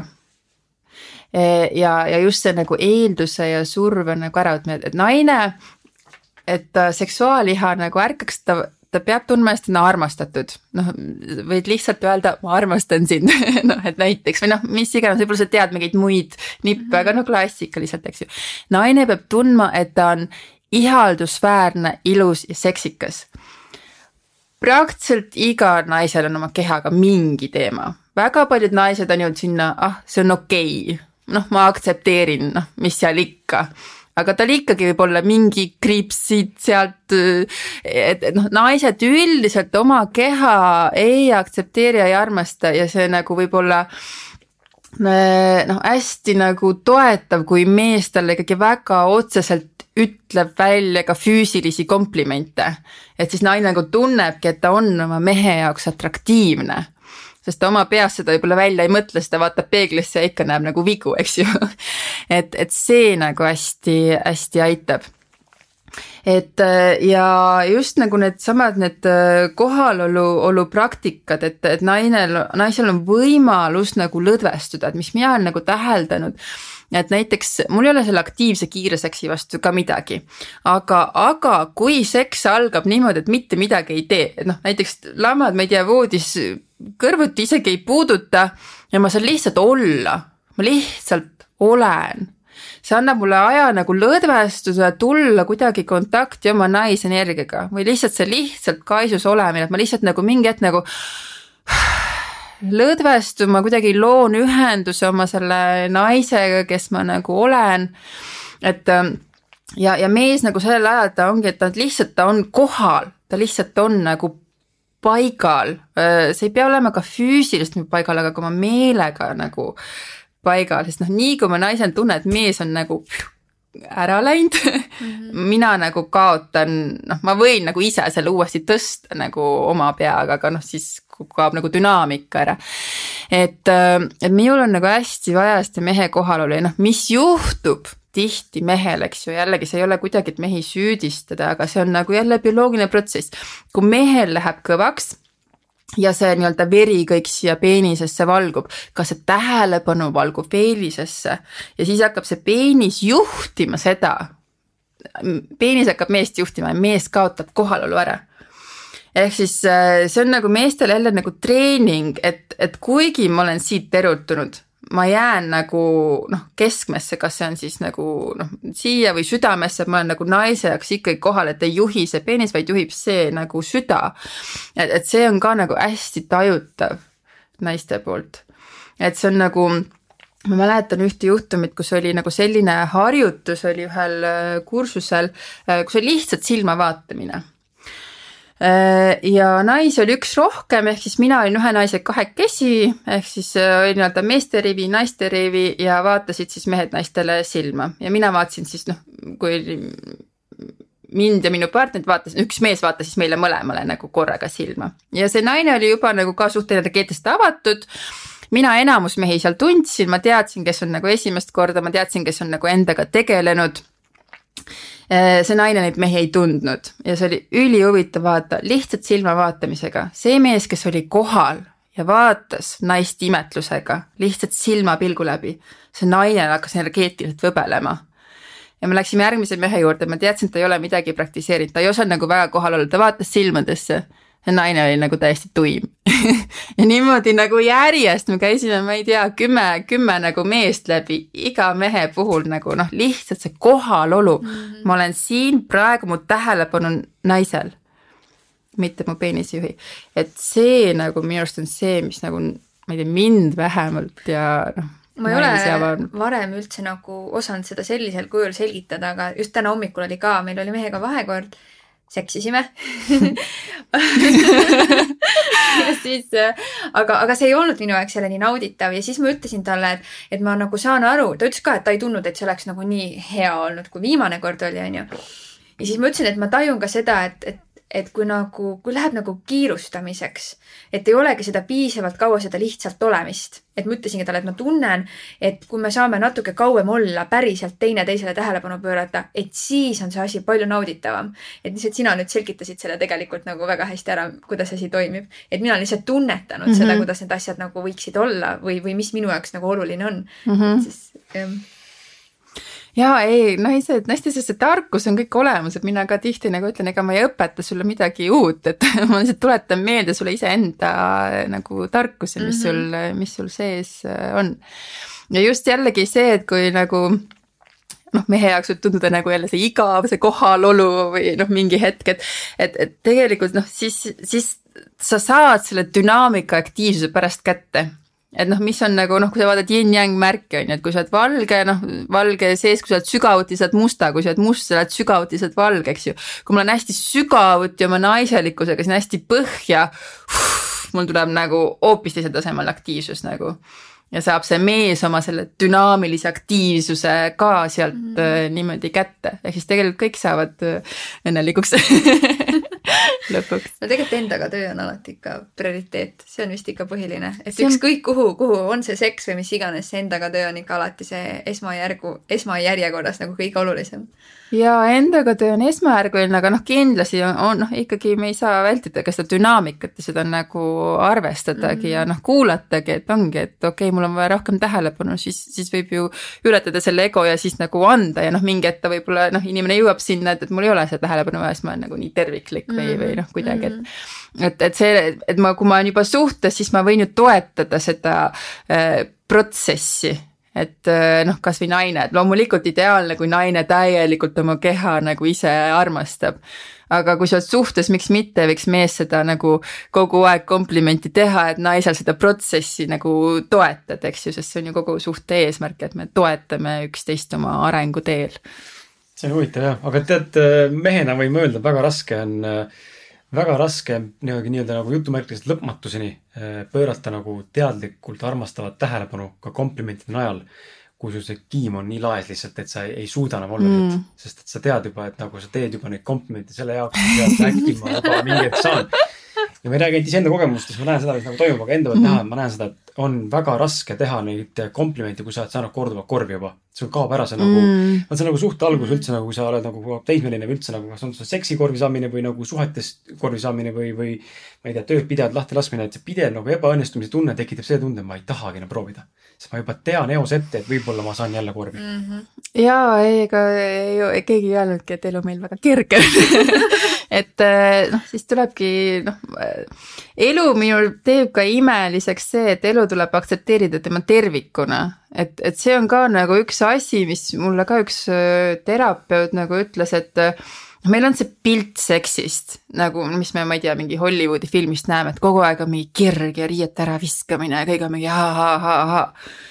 aga seks on nagu elu elus on sul ju ka äh, erinevaid etappe elus, su elu on kogu aeg muutuses mm. -hmm. ja miks ei võiks ka seksis, on normaalne, et su seks on nagu muutuses ja aktsepteerida seda täielikkust. E, elu ei ole ju täisväärtuslik, kogu aeg on mingi keep smiling, äh, et, et noh, elu sügavuse annab ta täielikkus ja ja nagu aktsepteerimine, et olukord on see, annab minu arust ka nagu sellise sügavuse, mitte et ma pean jääma nüüd depressiooni, sest see väärselt nagu rikastab elu või ma nüüd eluaeg ei seksi, sest see on ka elu osa, et noh, mitte seda, et loomulikult sa nagu kasvad ja tuled välja, aga see sügav aktsepteerimine nagu ka olukorras, kus sa nagu oled ja, ja et see on väljakutsuv. ja, ja sellest ei olegi juba nii lihtne välja tulla, et võib-olla ongi vaja nagu rohkem tahtejõudu, rohkem võib-olla praktikat, et seksuaalenergiat äh, suuta hallata, suuta seda tõsta ja mis siis, et jälle ei öeldi, eks ju, noh, et, et see on ju nii paljude edulugude taga, kui kellelgi on öeldud, et kuule, noh, ma ei tea, sa oled spordis täiesti mm -hmm. mõttetu või sa muusikas oled täiesti mõttetu ja nad on saanud sellest sellise innustuse ja, ja uuesti ja uuesti ja uuesti ja uuesti ja proovid ja proovid ja lõpuks on nagu maailma tipp, eks ju, et ähm, nii et Kris, varsti tulevad maratonid. Et, äh, et noh, armastada, aktsepteerida seda väljakutsuvat olukorda nii on, eks ju, ja noh, tasapisi mitte alla anda ja noh, leida jälle, noh jälle leida noh, mingit muud lahendust, lahendus peab olema. ma olen alati mõelnud sellistes kohtades, et, et, et just, et mis kingitus see nüüd on, et see tänane olukord või mis ta on, et mis kingitus ta on, et kuhu ta võib nüüd välja viia et mul on nagu selline suhtumine olnud, aga mul on nüüd kaks niisugust äh, hästi head küsimust veel. nii. mul ka. On või? mul kaks, täpselt kaks äkki need kattuvad, ma, ma lasen no. esimene et, äh, et üks küsimus on see, et, et kui mees ja naine, kes tahavad nüüd oma äh, seksuaalsusega edasi liikuda, et nad tahavad, mõlemad on valmis arenema, et kuhu võiks nagu minna, et mi, missuguseid praktikaid sa soovitad? et näiteks ma just mõtlen, et, et näiteks minu mehe puhul täna, et, et teda, tema on näiteks ära hirmutatud sellega, et ta on mõelnud tantrakursuste peale, aga ta ei ole nagu valmis selleks, et peaks partnereid vahetama. et Epp Kärsin on öelnud, et enamuselt on nad sellised, et sa pead hakkama seal vahetama partnereid, et, et see ei ole tema jaoks nagu aktsepteeritav. et mis võimalused täna on näiteks Eestis, et kuhu minna? see on hästi keeruline küsimus ähm ma ütlen ausalt, mina olen käinud erinevatel tantrakoolitustel sellel hetkel, sellel ajaperioodil, kui ma käisin, mulle nad väga meeldisid, nad sobisid mulle mm,? tänasel hetkel mul on teatud allergia või foobia sõna tantrakoolitus vastu ähm, et äh, see, hetkel mina ei poolda seda, et grupi kontekstis peab midagi tegema, et olla avatud või areneda, võib ja kui sulle sobib, jumala pärast, mine tee, koge, super luks. Ähm, aga, aga aga selles suhtes, kui su noh, mees või kes iganes seal väljas tunneb, et jah, ma tahan seksuaalne elu aretada, tundub, et tantra on see, mida nagu tehakse, aga ma ei taha grupi kontekstis midagi teha, ära mine mm, -hmm. nagu minu lihtne soovitus. või siis teine variant, et sa lähed äh,, aga sa noh, nii mees kui naine on kogu aeg hästi aus enda vastu ja suudab öelda ei igale asjale, mis seal sulle ette söödetakse. Mm.. isegi kui sa tunned, oi, aga kõik ju teevad või, või et ähm, ma nüüd ei taha see paar olla, kes on kinnine ja lukus või, äh, või, või noh, võib ka juhtuda, et sa selles kontekstis nagu avaned ja, ja justkui tahad teha ja pärast tunned, et vot, mis seisundis ma olin, ma tegelikult ei tahtnud teha, et noh, sellised asjad võivad juhtuda. ehk siis äh, ma nagu mõnes mõttes soovitaks minna sellistele koolidesse, kui sa oled iseendaga väga tugev isiksus. Ja sa tunned ennast, sa tead ennast, sa oskad öelda ei, samas noh, olla avatud, et kui see, see võib toetada, et tantrakursused kindlasti väga palju inimesi on toetanud, väga palju inimesi on avanud, sealhulgas mind teatud kursused on väga palju toetanud, on avanud. Äh, kui ma sellest mullist välja tulin, läksin mina suuremasse auku, kui ma alustasin mm. -hmm. ehk siis mina olin täiesti, ma võin öelda, mul oli foobia puudutuse suhtes ka sõbrad, kellega ma tavaliselt nagu vabalt kallistan, täiesti neutraalselt, mul oli see ebameeldiv. Ähm, et äh, ma ei oska soovitada koolitust, ma oskaks soovitada võib-olla seda, et, et vaata võib-olla mingeid sissejuhatavaid õhtuid mingitele õpetajatele äkki või, või ma ei tea, internetist videosid või. ja kui sa tunned, et see inimene sind kõnetab, et, et siis nagu, siis mine, et noh, siis on kindlasti midagi nagu mm. õppida kui sa tunned, et ei kõneta, siis eh, noh, sa võid ikkagi minna, aga siis tehagi täpselt, et sa võtad selle jutu, mis sulle meeldib, teed need harjutused, mis sulle sobivad ja lihtsalt jätad kõrvale see, mis ei ole tänasel hetkel sinu jaoks mm, -hmm. seda ei ole vaja teha. et, eh, et lihtsalt nagu otsida ja on ka väga palju online koolitusi, et noh, see on ka üks põhjus, miks mina naistele tegin online koolituse. et äh, ma aktsepteeringi seda, et kõik ei taha grupi kontekstis jagada oma seksuaalelu või, või teha mingeid praktikaid grupis, et, et see on nii privaatne teema ja see on jumala okei okay,, kui see on privaatne teema. et seda ei ole vaja nii-öelda nagu meie täna kolmekesi siin ei no okei okay,, noh rääkida, noh minul on nagu okei okay rääkida, aga noh, tänasel hetkel ka ma eelistan nagu grupi kontekstis, noh mina ei, noh ma ei läheks tantrikursusele kursuselt tõenäoliselt või noh, kui siis võib-olla oma partneriga oleks nagu hoopis teistsugune otsuste tegemisel. et ähm, et seetõttu tasub nagu kuulata sisetunnet, et mis sulle sobib ja mis sobib ja jõuga, et midagi on moes ja kõik teevad ja see nagu aitab, ma nagu selle lainega ei läheks kaasa, kui on nagu huvi ja oo, see võib põnev olla, see võib mind aidata, ma lähen vaatan, äkki mulle meeldib ja olla avatud sellele. loomulikult, et mine käi ära see üks mingi tantrikursus ja vaata siis, mis seal toimub ja kui ei meeldi, kõnni minema, kui meeldib, siis äkki avastad enda jaoks mingi tohutu huvitava maailma et ähm, noh, õpetaja valik on hästi oluline, jällegi ma ei arva, et on mingid konkreetselt head õpetajad või halvad õpetajad, aga sinule sobivad õpetajad, et sellise teema puhul võib-olla eriti. et äh, kes oskavad nagu sind kõnetada ja sulle sobivaid harjutusi ja tunnetada seda ruumi ja, ja seda mitte lihtsalt jõuga, et et nüüd on graafikus see, see, see, nüüd teeme nii, nii ja nii, eks ju kõik teeme, et. sa mainisid enne vaata seda Saneli mainisid enne seda, et on tulemas maraton, vaata mul mm -hmm. tulevikus on, et see on huvitav, ma, mul on nagu mõned tuttavad äh, sõbrad on need, kes mm, juttu ikka räägid, siis äh, kuidagi tuleb ikka, kuidagi ikka jõutakse lõpuks seksini, ma ei tea, see on ikka nii intrigeeriv teema inimeste jaoks. -hmm. aga et nagu on mõned mehed äh, on sellised, kes nagu tahaks kogu aeg mm. -hmm. mina tunnen, kui mul on olnud, olnud nagu mingeid perioode, kus on hästi, hästi nagu sagedane seksuaalvahekord. üldse ei taha, mulle ei meeldi üldse sihuke asi mm, -hmm. nagu mulle üldse ei taha, no see on nagu nii, see on nii kurnav et nagu kaob igasugune nauding ära, ma mäletan lapse tegemisega oli suhteliselt nagu sarnane asi. Mitte me nüüd ilgelt ei pea proovima, aga tekkis see ovulatsiooni aken. ja, ja siis me ei olnud täpselt ju teadnud, kas nüüd täna on see, on see homme, oli see eile või oli see nüüd, on see viie sekundi pärast, kümne sekundi pärast. Mm.. siis me ikkagi järjest, järjest nii-öelda proovisime nende päevade jooksul või noh, nende mingi mis iganes päevade jooksul. aga siis me, siis tundsime mõlemad tegelikult elukaaslasega, et kurat, see ikka ei ole meie teema, ei taha nii, ei taha üldse nii tihti et see on nagu nii huvitav, et inimesed on tegelikult nagu segavalt nii erinevad. muidugi, seal on kindlasti oli see surve ka taga, vaata, et eesmärk. kas jõuab või ei jõua, jah. seal on see surve ja noh, seal on see, kui sa laps teed, siis sa päris kindlasti ejakuleerid. ehk siis see, et sa kogu aeg tõmbad ennast tühjaks ja tühjaks ja tühjaks ja tühjaks ja noh, see nagu noh ma ei ütle, mis on õige või vale, mina pooldan seda teooriat, et see nagu ei ole mehele mm. hea ei füüsiliselt, psühholoogiliselt, energeetiliselt ja, ja loomulikult sul hakkab juba siis kõik olemus karjuma, et ei noh, et lõpeta see energia väljaviskamine ära, et, et noh, see ei ole nagu tervislik. et see on liiga, liiga ekstreemne. et, ähm, et, et jah, et kui sa nagu äh, jällegi see energia nagu sees hoida, eks, et noh, siis, siis võib-olla ei tule seda, et ma nagu üldse, üldse ei taha tantra puhul ma tahtsin seda ka öelda, nagu natuke resoneerusin sinuga selles mõttes selle koha pealt, et kui me esimest korda tantra festivalil käisime eh, podcast'iga, mitte ma oleks eh, ilge tantra harrastaja olnud, aga meid kutsuti sinna podcast'i vedama Igor ja Igor Skalkin mm. -hmm. kutsus meid sinna esinema, käis meil saates ja siis me läksime tema festivalile sinna live podcast'i salvestama.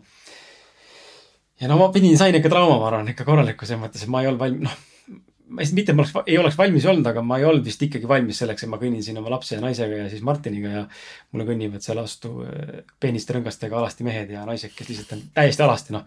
mul ei ole midagi selle vastu, aga ma kohe tundsin kuidagi, et niisugune nagu uh, nagu, nagu too much minu jaoks. et äh, ma ise mõtlen ka tantra puhul mind nagu, mind nagu hirmutab samamoodi, paneb neid mõtteid pähe see, et ma ei tahaks osaleda mingis sellistes grupi nii-öelda mingites äh, seksuaaltantrates, aga samal ajal mind väga huvitaks, kui oleks võib-olla ma ei teagi, mingi paaride mõeldud kursus, kus võib-olla veel neli-kolm paari ümber ja ma olengi võib-olla alasti seal, aga ma rahuldan enda naist ja naine mind ja sama mm -hmm. õpetaja. et see oleks sihuke, sihuke mulle tundub minu lagi nagu mm, -hmm. aga, aga noh, ma ei tea, kas täna Eestis on sellised olemas ja, ja. ei no ikka on, on ka ju noh, paljud õpetajad ka individuaalselt juhendavad. kas sa ise oled äh, paare. õpetajana sellise seal äh, osa võtnud, läbi viinud?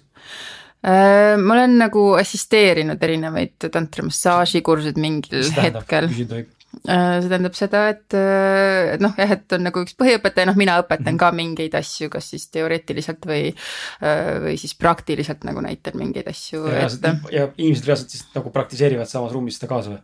jah, jah. mis tundeid see endas nagu tekitab, kui ma, ma hakkasin vist mõtlema selle enda näite kohaselt, et ma oleks nagu sellisega nõus, aga kui peaks nagu vaatama, kuidas teised inimesed praktiseerivad, siis see on ikkagi, porno ikkagi käivitab paratamatult ka hormoontasandit ja nagu seda nii-öelda nagu mingit iha või, või ei käivita mm. -hmm mm,? tead, see õhkkond vähemalt nendel koht-, koolitustel, kus mina olin, see õhkkond on, see luuakse ikkagi nii teistsugune, mis sa nagu ette kujutad, ehk siis see tegelikult tundub seal kõik väga loomulik, see protsess üldiselt et, et see ei tundu nagu mingi, ma ei tea, porno kokkutulek, see tundub, et seksuaalsus on normaalne asi, alastus on inimese, inimene sünnib alasti, see on ka nagu normaalne, tekib selline täielik normaalsus asja juurde.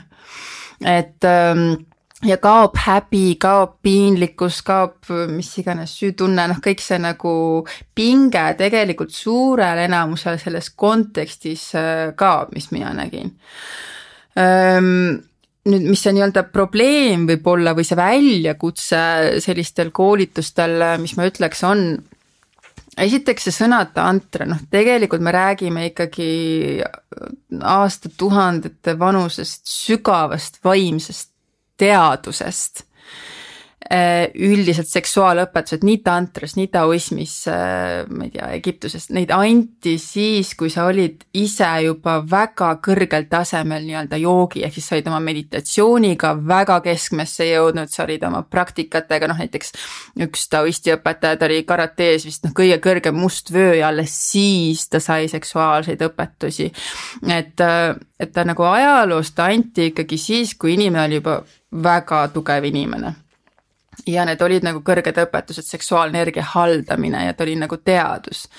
tänasel hetkel, mis on sõna tantra, noh ta, see on nagu metsik lõhe ehk siis üldiselt on pigem see võib-olla ongi, et inimesed saavad kokku, ma ei tea, on alasti, kallistavad, liigutavad mingeid energiaid ja ei ole tihti ka sellist väga tugevat õpetajat, kes suudab hallata seda ruumi mm. -hmm. ehk siis, kui sul on nagu segapundar inimesi kõikvõimalike erinevate energiatega kokku tulnud ja siis sa oled sel hetkel nagu hästi avatud ise, sa oled ju nii lahti ennast teinud ja sul on, ma ei tea, mis energiat seal, sa võid need noh, eriti naisena, mis mul on kogu aeg, sa võid ju kõik selle nagu noh, endas arvesse võtta ja sellega sa pead pärast olema võimeline tegelema ja paljud inimesed ei ole võimelised selle nii-öelda noh, ka raske energiaga, mis sa sisse võtsid, et vot see on nagu üks probleem, et selles mõttes noh, mina tegelikult ennast tantraõpetajaks ei nimeta, ma ei julge seda nagu vastutust küll võtta.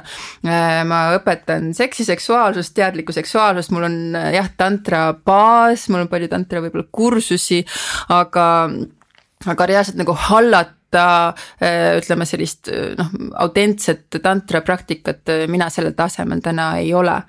ja noh, mina nagu noh, väga palju ma öö, olin seotud tantramassaaži koolitustega ja, ja seal ka õpetasin ja assisteerisin ja noh, seal see probleem, mis ma nägin ja mis ma ka ise kogesin, mis mulle ka hiljem kohale jõudis. no seal põhiprobleem oli pigem nagu naistele, et noh, paljudele naistele see oli nagu super. et tõesti nagu nad said esimest korda elus orgasme ja või ma ei tea, naise ejakulatsiooni ja mida kõike nad seal kogesid, sest see kuidagi see kontekst, see atmosfäär, see võimaldas neil lõdvestuda, lasta lahti võib-olla mingi igapäevamuredest, ma ei tea, lastest või pesust või suhteprobleemidest ja andis neile selle ruumi, kus neil seal lihtsalt oligi, et ma ei tea, ma olen kursusest tasunud, ma võin lihtsalt pikutada ja meil lihtsalt tegeleb ja kuidagi andis selle nõksu neile aga ma ütlen, see oli umbes pooleks, sest pooltel naistel selles kontekstis ei tekkinud seda lõdvestust, ei tekkinud seda usaldust, sest sul on grupi kontekst, keegi kuskil naudib, keegi kuskil ei naudi, sulle nüüd öeldakse, nüüd mine tuppe sisse. Ja, ja paljudel naistel nagu pigem oli see väljakutsuv kogemus minule endale kindlasti enamus ajas, üheksakümmend üheksa protsenti ajast oli see halb kogemus, mida ma tollel ajal ei osanud äh, aru saada, sest kogu aeg oli see jutt, oh, see on blokeering, väga hea, nuta välja, see on vabanemine, äh, see ongi positiivne nüüd ma nagu ei usu ühtegi sõna, mis mulle tol ajal öeldi. ja siis on nagu ahah, ahah, okei okay,, väga hea, et ma nutan, väga hea, et on valus, väga hea, et tuleb välja, sest see vabastab, et ähm, et paljudele jällegi ei sobi see kontekst, sest selles kontekstis noh, naine nagu ei lõdvestu, ehk siis noh, see, sa pead ise nagu suutma ära tunnetada ikkagi, kas see on mulle või see ei ole mulle. ja seal oluline on ka see, et noh, tihtipeale mingi asi, mis ebamugavust tekitab ja kui sa siis sellest üle lähed, siis tekib avanemine ja see on vajalik mugavustsoonist välja tulla ja mul endal on väga palju hetki, ma mõtlen, ma ei taha, ma ei taha, ma ei taha, ma teen ja pärast on, aa kui hea, et ma tegin. aga vahest on see, et ma ei taha, ma ei taha, ma ei taha, teed ära metsa, miks ma tegin. et, et, et, et, et sealt tulebki see, noh, miks ma täna rõhutan hästi seda joogapraktikat, mis tegelikult kunagi algselt oli, et sa pead iseenne olema nii, sa pead tunnetama oma intuitsiooni, et see otsus tuleb intuitsioonist, ta ei tule hirmust, et ma ei julge ja ta ei tule ka sellest, et ma pean või, või kõik teevad ja ma teen ja noh, kuidagi sellest, et kui sa oled ise nagu hästi keskmes, siis võivad need koolitused nagu ka positiivselt mõjuda. pead juba piisavalt teadlik olema, et, et astuda seda sammu. jah. tõeline, tõeline siis äh, tantra tõeline tantra, siis see algne tantra, iidne tantra on siis tegelikult nagu reaalne suur võimas äh, Teadus. tööriist, mida tegelikult või nagu mitte nagu sihuke sõjarelv, mida antakse ainult siis nendele, kes tegelikult valmis on selleks nii-öelda. no kui me räägime seksuaalsest tantrast, siis tegelikult tantra kui selline noh, ütleme, noh ongi tantrates, tantra algtekstides ähm, Äh, seksist räägitakse väga vähe see on nagu mingi mini äh, väike peatükk seal kuskil, et seal on nagu muid asju, seal on arhitektuuri, seal on tantsu, seal on muusikat, seal on äh, parapsühholoogiat, seal on tervendamismeetodeid, seal on nagu noh, ta on nagu elust, ta on nagu kõigest, mis elu puudutab. aga kuna ka seks on elu osa, ta käsitleb seksi, noh täna on nagu noh, see võrdusmärk tulnud, et äh, ja noh. tantra on seks põhimõtteliselt. tantra on põhimõtteliselt seks ja grupiseks ja, ja no mis kõik nagu veel, et, et see täna tänane asi, mis on tantra, ta ei ole see, mis oli algne. Äh, mitte see tänapäevane kuidagi võib-olla negatiivne on, aga ta on nagu komplitseeritum ja, ja seal on oma probleemid. tahtsin küsida niimoodi sihukese vahe, vaheküsimusena, et äh, kuidas sa seksleevudesse suhtud? et mul tuleb meelde Epp Kärsiniga vestlus samal teemal, ma küsisin temalt ka ja ma olin täpselt nimed vastust, aga mitte teie vastust võrdlema mm, -hmm. aga paljud ju kasutavad ikkagi enda, noh, kuna on üksikud, kasutavad mm -hmm. kas siis dildosid või ma ei tea, mis iganes naised kasutavad veel ja mehed kasutavad siis, ma ei tea, mis need on siin mingid taskulambid või kuidas nimetatakse neid, kus on naise suguelund nii-öelda mm. -hmm. mingi tarbik otsa topitud. et nagu kasutatakse ikkagi kas siis mingi, mingeid nukke ja asju ja sekslõusid. ja samamoodi paarissuhetes on ju, et äh, kas äh, on need nagu sinu, sinu maailmapildis nagu õigustatud või vajalikud või pigem on need äh, suguelunditele kahjulikud pikas perspektiivis? ma ütlen ausalt, et jällegi siinkohal mu isiklik kogemus nagu praktiliselt puudub, et äh, ma olen käinud küll sekspoodides, aga tavaliselt, kui ma sinna sisse vajutan, see tundub mulle lihtsalt nii võlts plastmass, et mul ei teki nagu mingit soovi sealt mitte midagi nagu soetada, ma olen iga kord nagu pettunud, et kuidagi lähed sisse, et oh, et äkki ma leian midagi huvitavat ja midagi ei leia, et ma ei ole nagu ise praktiliselt nagu mitte midagi kasutanud.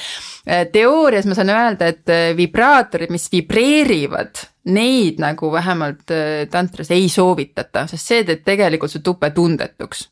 See, mis ei vibreeri, et iseenesest seda nagu võib kasutada minule isiklikult lihtsalt see mõte, et on mingi plastmass või on mingi kumm või on mingi nagu mingi võlts nagu materjal, mind lihtsalt üldse ei kõneta see, see mind üldse ei eruta ja ma ei oska nagu suhestuda, ma ei arva, et see halb on, kellele meeldib, palun väga, vibraatorid vibreerivad, mingi patareidega asja ma ei soovitaks.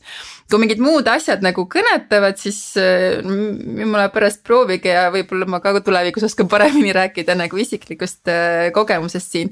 ja noh, minul on ka see, et mu tupp on kuidagi ka noh, nii kapriisne olnud, et äh, talle nagu ei sobi ka noh, materjalid, isegi vahepeal noh, ma proovisin joonimuna, mis on kristallist, eks ju, ja noh, head kristallid, talle isegi see nagu ei meeldi, talle sobis ainult nagu nahk, noh kondoom ka ei meeldinud, et noh, nüüd ta nagu ei ole enam, nüüd ta juba kristalli võtab ja kondoomiga on ka okei. Okay varem ta nagu kogu aeg nagu viskas välja, aga lihtsalt ma mõtlen nagu naisena oma kehasse, noh, ma lihtsalt ei sooviks panna plastmassi, mulle muidugi kuidagi meeldib sihuke loomulikkus rohkem. aga ma ei arva, et nad otseselt nagu halvad on, et, et miks mitte nagu katsetada, kasutada, aga ma ei ole jah väga pädev siin isiklikust kogemusest kommentaare jagama. sul oli teine, teine küsimus ka või?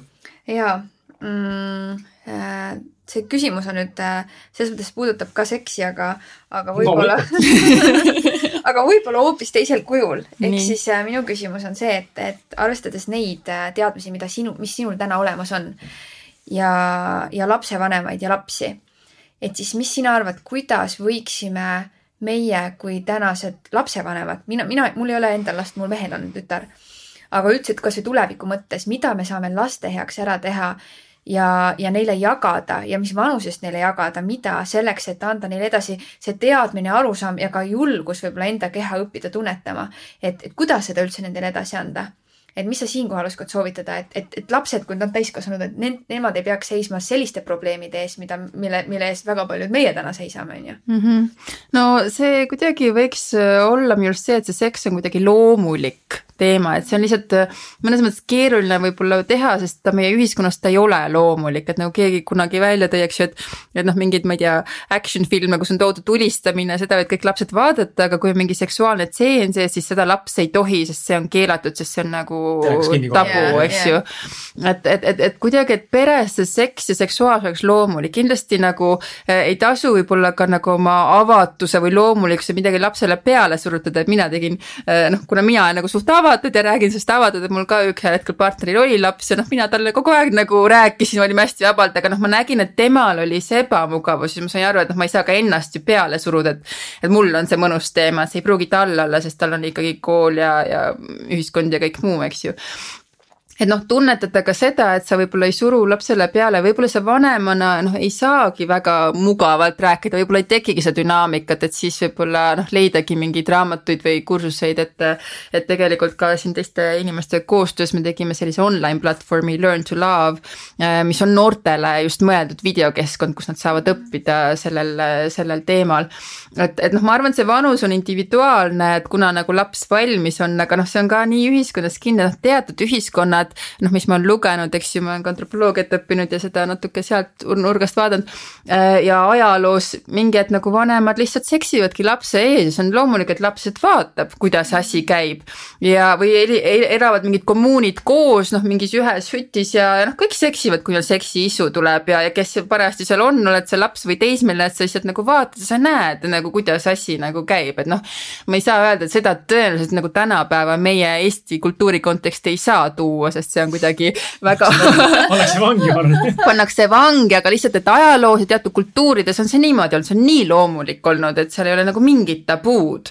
et aga noh, täna meil on fakt, et me elame ühiskonnas, kus see nagu on see pinge sees, ehk siis noh, nagu tuleb otsida seda ruumi, et austada ka selle nagu lapse ruumi, et sa ei suru talle võib-olla mingit piinlikku teemat mm -hmm. peale, aga noh proovid sellest ikkagi teha võimalikult loomuliku teema, millest rääkida ja kui ei ole sinuga mugav rääkida, võib-olla siis leiad kellegi tuttava või sõbra või jällegi mingi raamatu või mingi online asja, mis talle nagu suunata, et ta sealt saab siis oma info ikkagi kätte kusjuures see on päris huvitav, et sa ütlesid, et see on nii loomulik, et isegi laste ees seksitakse teatud äh, või ajaloos võib-olla on ka olnud. ma lugesin äh, kunagi sellist raamatut nagu Jutuajamised Jumalaga, Donald Niels Walshi raamat, sihuke suhteliselt vaimne ja siis seal oli ka sellest räägitud, et tegelikult see on nagu ja see on tulevik, selles suhtes, et ühel hetkel see kujuneb jälle tagasi nii loomulikuks ja minu jaoks on see näiteks hästi huvitav, et, et miks näidatakse vägivaldseid filme, mis tegelikult on nii ebaloomulik inimesele mm. -hmm aga ei näidata nagu selliseid jah, ütleme selliseid intiimseid asju, et neid nagu varjatakse, mis on palju loomulikum mm. -hmm. et, et mhm. minul ongi nagu täna vaatan seda sellise külje pealt, et see on tõesti kummaline. et aga ma usun, et need asjad muutuvad ajapikku jah, eks sa saad oma pere nagu mudelist saab nagu igaüks nagu alustada ja noh, lootes, et eks ühiskond tuleb kaasa, aga noh, samas jälle arvestades seda ühiskonna konteksti, sest see mõjutab nii meid kui, kui ka seda last, kes käib ka koolis ja mm, -hmm. ja saab ka sealt, eks ju, oma selle. Mm, mingi periood Äh, kui ma rohkem kasutasin Access Consciousnessi praktikaid, siis äh, seal äh, mäletan, kus räägiti ka sellest enese rahuldamisest. ja, ja seal näiteks oli selline soovitus, et kui sa näed, et su laps nagu rahuldab ennast, siis ära keela seda, et see on okei okay.. ta võibki kasu-, katsuda oma tilli ja, ja, ja oma tussut, on ju, et see on kõik okei okay.. et, et hästi paljud vanemad, mis teevad, nagu ma olen aru saanud, ütlevad, et, et kuule, ei tohi, et sa ei tohi sealt käppida, vaata, et teevad selle koha valeks. ja, ja see, see on hästi oluline, et las ta avastab, las ta naudib, las ta tunnetab, et las ta õpib, et noh, tegelikult ongi ju no,. tema keha tema keha, et noh, mis ma endal ka vaatan, noh, mis, milles siis probleem, mul ei olnud nagu otseselt mingit probleemi, mul lihtsalt oli infopuudus mm. -hmm. mina näiteks, kui ma esimesse vahekorda astusin, ma ei teadnud, et naise tupp peab märg olema noh, elementaarne ja kusjuures tänasel hetkel täiskasvanud mehed ei tea, et naise tupp peab märg olema. et noh, lihtsalt noh, kõige elementaarsem info, seda lihtsalt ei ole kuskilt nagu jõudnud, eks ju, et, et see nagu et, et jah, et see mingigi info jõuaks, aga selleks, et mingi info jõuaks, see peaks olema nagu loomulik teema, millest tohib rääkida, eks ju. ja tegelikult ma loodan, et sellest räägitakse veel ja veel rohkem. et me anname kõik selle panuse sellele, igaüks, kes julgeb niimoodi välja astuda ja öelda, et kuulge, et tegelikult on nii ja mul on see probleem ja sul on see probleem, aga tegelikult võiksid need asjad hoopis nii käia, et et mida rohkem inimesed välja astuvad, siis seda teadlikumad me oleme see on huvitav jah, et see elementaarsusest rääkisid, tahtsingi vahele öelda, et mina esimest korda, kui sütuse kaotasin, siis ma olin, ma ei tea, kakskümmend üks, kakskümmend kaks saamas äkki. Noh, päris noh, selles mõttes ikkagi juba vanem, eks ole, aga ja ma olin küll ka kindlasti pornot näinud ja, ja aga ma näiteks ei teadnud, kuhu spermat lasta mm.. ma ei teadnud. mis, mis, mis, kus ma seda teadma pean siis? jah, pornost olen näinud, kus see läheb, aga nagu ma ei hakka seda tegema päriselt mm. -hmm. ja siis, siis olingi hädas, noh, aga ongi huvitav, et nagu nii elementaarne asi, aga sa ei tea neid asju lihtsalt mm, -hmm. kui sa neid kogenud ei ole jah, et selleks jah, loodame, et, loodame, et see infoühiskonnaga nagu on ka sellist teadlikuma nagu infot seksist, aga, aga noh, kahjuks jällegi ma vaatasin mingit dokumentaali ja noh, sellised pornograafia numbrid on ikkagi väga suured ja vägivaldse pornograafia mm. numbrid on metsikult suured ja see nagu tekitab nagu sellist õõvastust, jah, meil on internet, kus ma saan kogu info, aga noh, mis info ma sealt saan. noh, see ja see mõjutab ja kui ma kogu aeg näen vägivaldset pornot, vägivaldset pornot ja see inimeste arv, kes seda nagu otsib ja vaatab, see on uskumatult suur. ja kuidas see nagu mõjutab siis ju kollektiivset teadvust ja, ja, ja noh, kuidas siit sealt kõik tuleb, et. Äh, just. Tahaks praktilist äh, nõu saada nii võtame mehe ja naise keha, eh, mõlemad näited siis. ja loome siis eh, stsenaariumi, kui punkt B või lõppfaas on penetratsioon mm, -hmm. seks ja punkt A on siis see, kus hakkab pihta eelmäng mm. -hmm. milliste kehaosadest alustades tuleks alustada või kuidas tuleks liikuda sinu arvates mm? -hmm. nii mehe kui naisel, mis on etapp, kas ma katsun rinda esimesena, tussud esimesena mm, -hmm. teema keeleka, teema näpuga mm, -hmm. panen kohe peeni sisse, ma ei tea, silitan, mis ma teen mm, -hmm. räägi endast Äh, no esiteks seda natuke on keeruline rääkida, sest esiteks see on nii individuaalne, eks ju, et mis kellele mõjub, kellele, et noh, üks asi, mis ma nagu küsin alati mm, naistekursustel ja meestekursustel väga üksikud korrad ma saan õige vastuse kohe, mõnikord tuleb see vastus. küsi meil ka. küsime, äh, mis on üks koht, mida äh, sa saad puudutada naisel, mis ajab iga naise hulluks? iga naise Äh, ma pakun praegu kael. mul tuli ka kael. Äh, jah mm. -hmm. see on klassikaline, tuleb kael, tuleb kõrv, tuleb reied, rinnad, kliitor, noh, kõike neid. süda. et aga jah, sa ei saa puudutada seda no,. sa saad puudutada, see on jah natuke, see on natuke ülekantud tähenduses see küsimus loomulikult. Äh, ehk siis see ongi, mõnel naisel meeldib kael, mõnel ei meeldi kael või mingi hetk alguses talle ei meeldi, aga pärast juba meeldib kael, eks ju et seda, et nagu, et teek, võta kõigepealt kael, siis kõrv, siis nibu, siis see, eks ju, et see, no seda peab nagu tunnetama äh,. aga noh, mis ma nagu soovitan, nagu algus oli ka jutuks, eks ju, et noh, naise puhul tegelikult ma ei soovita, et esimene asi on kliitor ja rinnad. esimene asi on kohalolu ja kui sa mehena oled nagu lihtsalt, sa oled olemas, sa oled kohal, siis tegelikult sa märkad naist ja sa tunned kogu aeg ära, kus see käsi või keel või noh, kuhu sa minema pead, kui sa oled nagu lihtsalt kohal, siis ta lihtsalt iseenesest läheb. et ma klassikas soovitatakse nii-öelda, noh jagatakse vist üks, kaks, kolm, et nagu erogeensuse tugevuse mõttes need tsoonid. et, et alustada nii-öelda number kahest, mis on nagu siuksed nagu noh, suhteliselt erutavad, aga mitte need kõige erutavamad, ehk siis noh, jäta välja rinnad, jäta välja kliitor äh,. aga ma ei tea, ära varbast võib-olla alusta, et, et noh, näiteks võib-olla ongi kael, näiteks sa tead, et su partnerile kael meeldib, võib-olla alustad sealt, eks ju, et noh, teed number kahed, mis on nagu siuksed poolesti erutavad. siis võib-olla lähed kolme juurde ja alles siis nii-öelda kõige vähem erutavama juurde ja siis lähed alles selle kõige erutavama juurde, et jätad selle nagu viimaseks, et noh, mis need konkreetselt on, et seda peab siis juba teadma, aga noh, klassikaliselt mehel on peenis ja klassikast naisel on rinnad ja, ja kliitor kõige rohkem, eks ju. et ähm, ja noh, meeste puhul nagu noh, ma soovit-, ma tean, et ma olen nagu ise ka näinud, mees tahab, et oleks kohe kas see käsi või see suu või noh, midagi läheks ta peenise vastu. tal on vaja seda, ta on harjunud sellega, sealt on see stimulatsioon, sealt on see nauding. ja, ja tihti nagu ma meelega ei lähe sinna mitte sellepärast, et kuidagi meest nagu piinata või aga, aga just see, et ta nagu hakkaks õppima õppima ära neid teisi kohti. et noh, siis võib-olla võib mehe puhul, et okei okay,, et kui ta on nagu väga kinni oma penises, et, et noh, alustada natukene sealt, et ta saaks selle mingi, mingi nagu dünaamika kätte, aga siis liikuda ikkagi sealt eemale või noh, liigutades energiat mujale, et ähm, et ta nagu õpiks ära, et need muud kohad on ka nagu noh, reaalselt head. Ja noh, siis kui mees on ka juba võib-olla tundlikum ka muus keha osas, siis saab võib-olla sedasama äh, asja rakendada, et alustan nagu sealt nii-öelda ähm, keskmise erutusega kohast ja siis lähen sinna natuke vähem erutuse kohta ja lõpuks lähen sinna kõige rohkem erutuse kohta, sest siis ma nagu katan tegelikult kogu, äh, kogu keha ja siis mingi hetk sul ongi kogu keha orgastiline. Et ongi mina oma esimese nii-öelda mitte suguelundi orgasmi sain Randmest, mis oli mulle ka nagu noh, siit nagu keegi stimuleeris mulle nagu fuu, hakkas tulema, eks ju. aga, aga jällegi, et see teadlikkus sinna nagu viia et, et saada see kogu keha nagu orgastiliseks, et, et selline võib-olla üldine lähenemine. aga naise puhul alustas südamest väga hea point. aga ma küsin võib-olla nii palju ka, et mida naine saaks ise ära teha, et just ma tean, et mul on äh, tutvusringkonnas päris palju ka sõbrannasid, kes on öelnud, et nende seks on valulik ja nad tegelikult ei naudi seda mm. sellisel kujul. et äh, mis on need väikesed sammud, mida nad saavad täna iseenda heaks teha, et liikuda just, et vaata, et kui nendel on juba see valulik, siis nad peavad ju alustama iseendast, et nad ei saa oodata kohe partnerit, kui partner võib-olla on ka kõrval kinnine. aga ma just mõtlen, mis nad iseenda puhul just saaksid hakata nagu, kuidas nad saavad alustada, et mis, mis on see, kuhu nagu minna, mida teha või, või nagu need väikesed sammud? ja mina nagu valu ei soovita, et noh, ma olen ise ka väga palju mm. valu läbi elanud.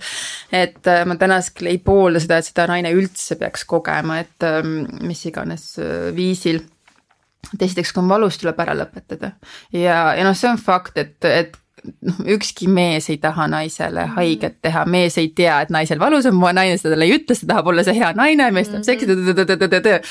et, et sa pead olema naisena esiteks aus oma partneri vastu ja ütlema, tal on valus, ta tuleb sealt kohe välja. et ähm, ma arvan, et väga vähe, noh tõesti, kui sa oled see, ma ei tea, vägivaldse pornograafia propageerija, noh sellisel juhul, aga noh, üldiselt mehed on ikkagi minu kogemust väga, väga kausad, aga nad ei tea, et naisel on valus, et sellest tuleb rääkida partnerile, et sul on valus. ja mitte siis äh, kogeda punkt number üks valu. Äh, ja noh, mis siis edasi teha, noh sealt tulebki lahendada, aga, aga miks sul see valu on, miks sa ei lõdvestu, tupp on valus siis, kui ta ei ole, kui sina ei ole lõdvestunud ja kui ta ei ole märg, eks ju. et ta ei ole nagu, ta ei ole avanenud, aga miks ta sul ei avane, miks sa ei suuda lõdvestuda? kas sul on, ma ei tea, ongi mingi partneriga mingi suhe, sul on see programm nii tugev juba, mul on valus, mul on valus, penetratsioon on valus. Äh, võib-olla sul on töö juures pidev pinge ja, ja sa ei lülitu sellest välja, kui sa seksid ja oled lihtsalt keha kogu aeg ongi krampis, sest sa oled nagu ära harjunud selle krampis kehaga ja ei, ei suudagi tuppa lõdvestada, et. et kus see, kus see pinge on, kust ta alguse saab, võib-olla sul on olnud mingi, ma ei tea, väljakutsuv kogemus, võib-olla ongi mingi väärkohtlemine mingi hetk olnud ja see on see trauma sisse tulnud, et et leida nagu see põhjus, kui ma tean põhjust, siis ma saan hakata otsima nagu seda lahendust et äh, noh, klassikast ikkagi erinevad oma kehaga kontakti loomine. Äh, noh, jällegi minul on joogapraktika väga hästi mõjunud, vaagna põhjalihased, võib-olla enda noh, rinnamassaaž näiteks, et lihtsalt seda nagu lõdvestuskontakti oma kehaga luua, hakata teda tundma õppima, hakata teda austama, hakata teda tasapisi avama, hakata teda lõdvestama. et, et saada nagu see Äh, noh, nii füüsiliselt see valu ja pinge välja kui ka mentaalselt, sest noh, ükskord näiteks, kui ma läksin, läksin jälle mingi terapeudi juurde, kes tegi mulle massaaži. Äh, noh, enne kui ta sisse läks, mul kõik nagu energia voolas, kõik oli väga hea. nii kui ta nagu sõrme sisse pani, mul oli nii valus. ütles, Karolin, ma praktiliselt ei puuduta sind see on, noh, kõik oli psühholoogiline mm -hmm. valu, ta ei, see ei olnud võimalik, et sul sellisest asjast nagu valus on, eks ju mm. -hmm. Et, et see oli, noh, see oli siin kinni, sisseminek on valus, sisseminek on valus mm, -hmm. pidin sellest nagu lahti laskma, ehk siis noh, mõnikord on see füüsiline, mis ma pean tegema, mõnikord mentaalne ja noh, üldiselt see kõik käib nagu väga tihedalt mm -hmm. koos, nagu kõik mm -hmm. need kihid tuleb läbi hammustada ja, ja mul on ka jällegi olnud, et kus ma nagu arvan, et oh, nüüd ma olen nagu kuskile jõudnud, arvastad jälle järgmise kihi, jälle järgmise kihi, et sügavamale saab alati minna. see on väga hea, see on väga hea soovitus üldse nagu, et teadvustadagi endale, olla aus iseendaga, on ju. -hmm kuidas tunned, Kris? mul ei ole ühtegi küsimust rohkem. ka mitte wow. nagu, eks muidugi mingit tuleks, ma hakkan siin nagu forsseerima, aga nagu ei tunne, ei tunne nagu midagi sellist, mis oleks nagu puutumata nagu jäänud. on sul äkki endal midagi sellist äh, praegu niimoodi kaks tundi oleme vestelnud järelevaates, et kas äh, on midagi, mida sa tahaksid veel öelda või midagi, mis jäi äkki täpsustamata või detailiseerimata või? Võib-olla selline üldine lihtsalt mõte õhku, et, et jah, et esiteks nagu aktsepteeri ennast, et aktsepteeri seda, kus sa oled, sa ei pea jõudma kuskile, et et noh, tihti ka, kui ma mingi demonstreerin sõrmenipsust orgasmi, et ära sea endale mingit latti, issand, ma ei saa sõrmenipsust orgasmi, ma olen nagu kehv naine, et ei.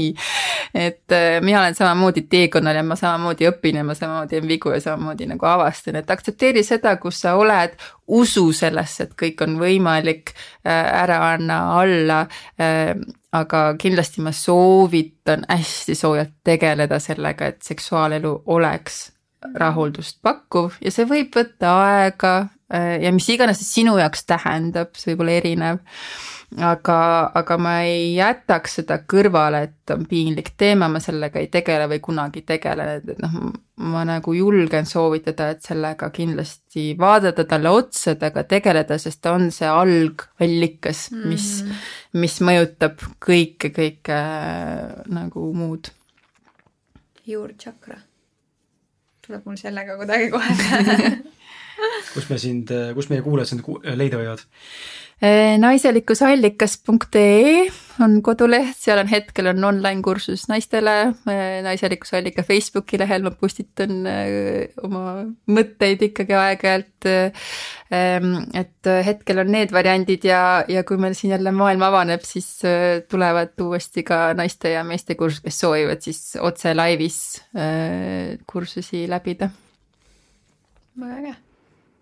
aitäh sulle.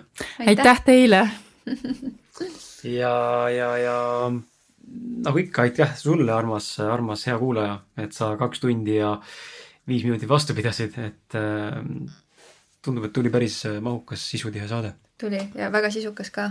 ma väga loodan, et äh, see saade on väga paljudele inimeste jaoks transformeeruv.